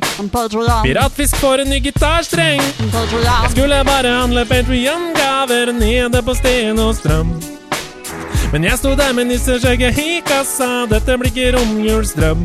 For hva ønsker Bjørn Thorsson seg, for ikke å glemme Sigurd Gran? Jeg vil gjøre alle glade, men jeg er ikke noen nissemann. En gave til Inger og kanskje på månesten. Nei, hun trenger ikke smykker, hun er allerede pen.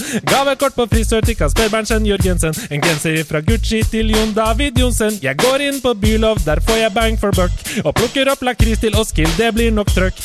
Lakkbar finner jeg noe til Linda Riel. Og skropel for en Opel som setter meg i stor gjeld. En parafinlampe til. En Patreon. Canizzo får en pakke rullings. En En ny kajakk til Orlando. En. Sofia Bakke får en banjo. En. Elsparkesykkel til Trond Ryen. En. Stubbis får en kveld på byen. En sekk til Martin Lone Nuland. En. Et sett med dekk til Herman Kvinsland. En Jeg skulle bare handle Patrion-gaver nede på Sten og Strøm. Men jeg sto der med nisseskjegget i kassa, dette blir ikke romjulsdrøm. For hva ønsker Totenbar seg, for ikke å glemme Oles utmann Jeg vil gjøre alle glade, men jeg er ikke noen nissemann. Eilif Helven må få fiskestang, The Lizard får grill. Til Frank Lindestad en ost og vin til de og som Bill. Frode Bratseth han får boblebad, Simen Rognskogen spark. Lars Gravningsmyr får en TV, Bukkong får en sang fra Park. Jeg skulle bare handle Patrion-gaver nede på Sten og Strøm. Men jeg sto der med nisseskjegget i kassa, dette blir ikke romjulsdrøm. For hva ønsker Jim Cato Olsen seg, for ikke å glemme Kim Olsen Sveen? Sondre Apalseth får PlayStation, Nintendo til Sabine Olsen. So, this was the Patreon polls for tonight, for this week, for the month. I, I hope everyone is having a good time, yeah? Oh. OK, mine damer og herrer. Det? Det var want? en episode av? Nerdelandslaget med tårer, med Shaggy, uh, med latter og med Hidio Kojima ved rattet. Um, tusen takk for at du kom, Tinka. Tusen takk. Det var kjempegøy å være her. Herlighet. For en episode. Altså, jeg er helt emosjonelt utlada og fylt samtidig. Ah, det er veldig gøy. Vi ses igjen snart. Vi. Eh, dette var den siste dagen i november, og hvis du hører på nå, så er det 1. desember. Og det betyr at julekalenderen har starta, og det betyr at du kanskje har fått noe gøy. Vi høres igjen neste uke. Si ha det til lytterne, da. Ha det, ha det. Ball.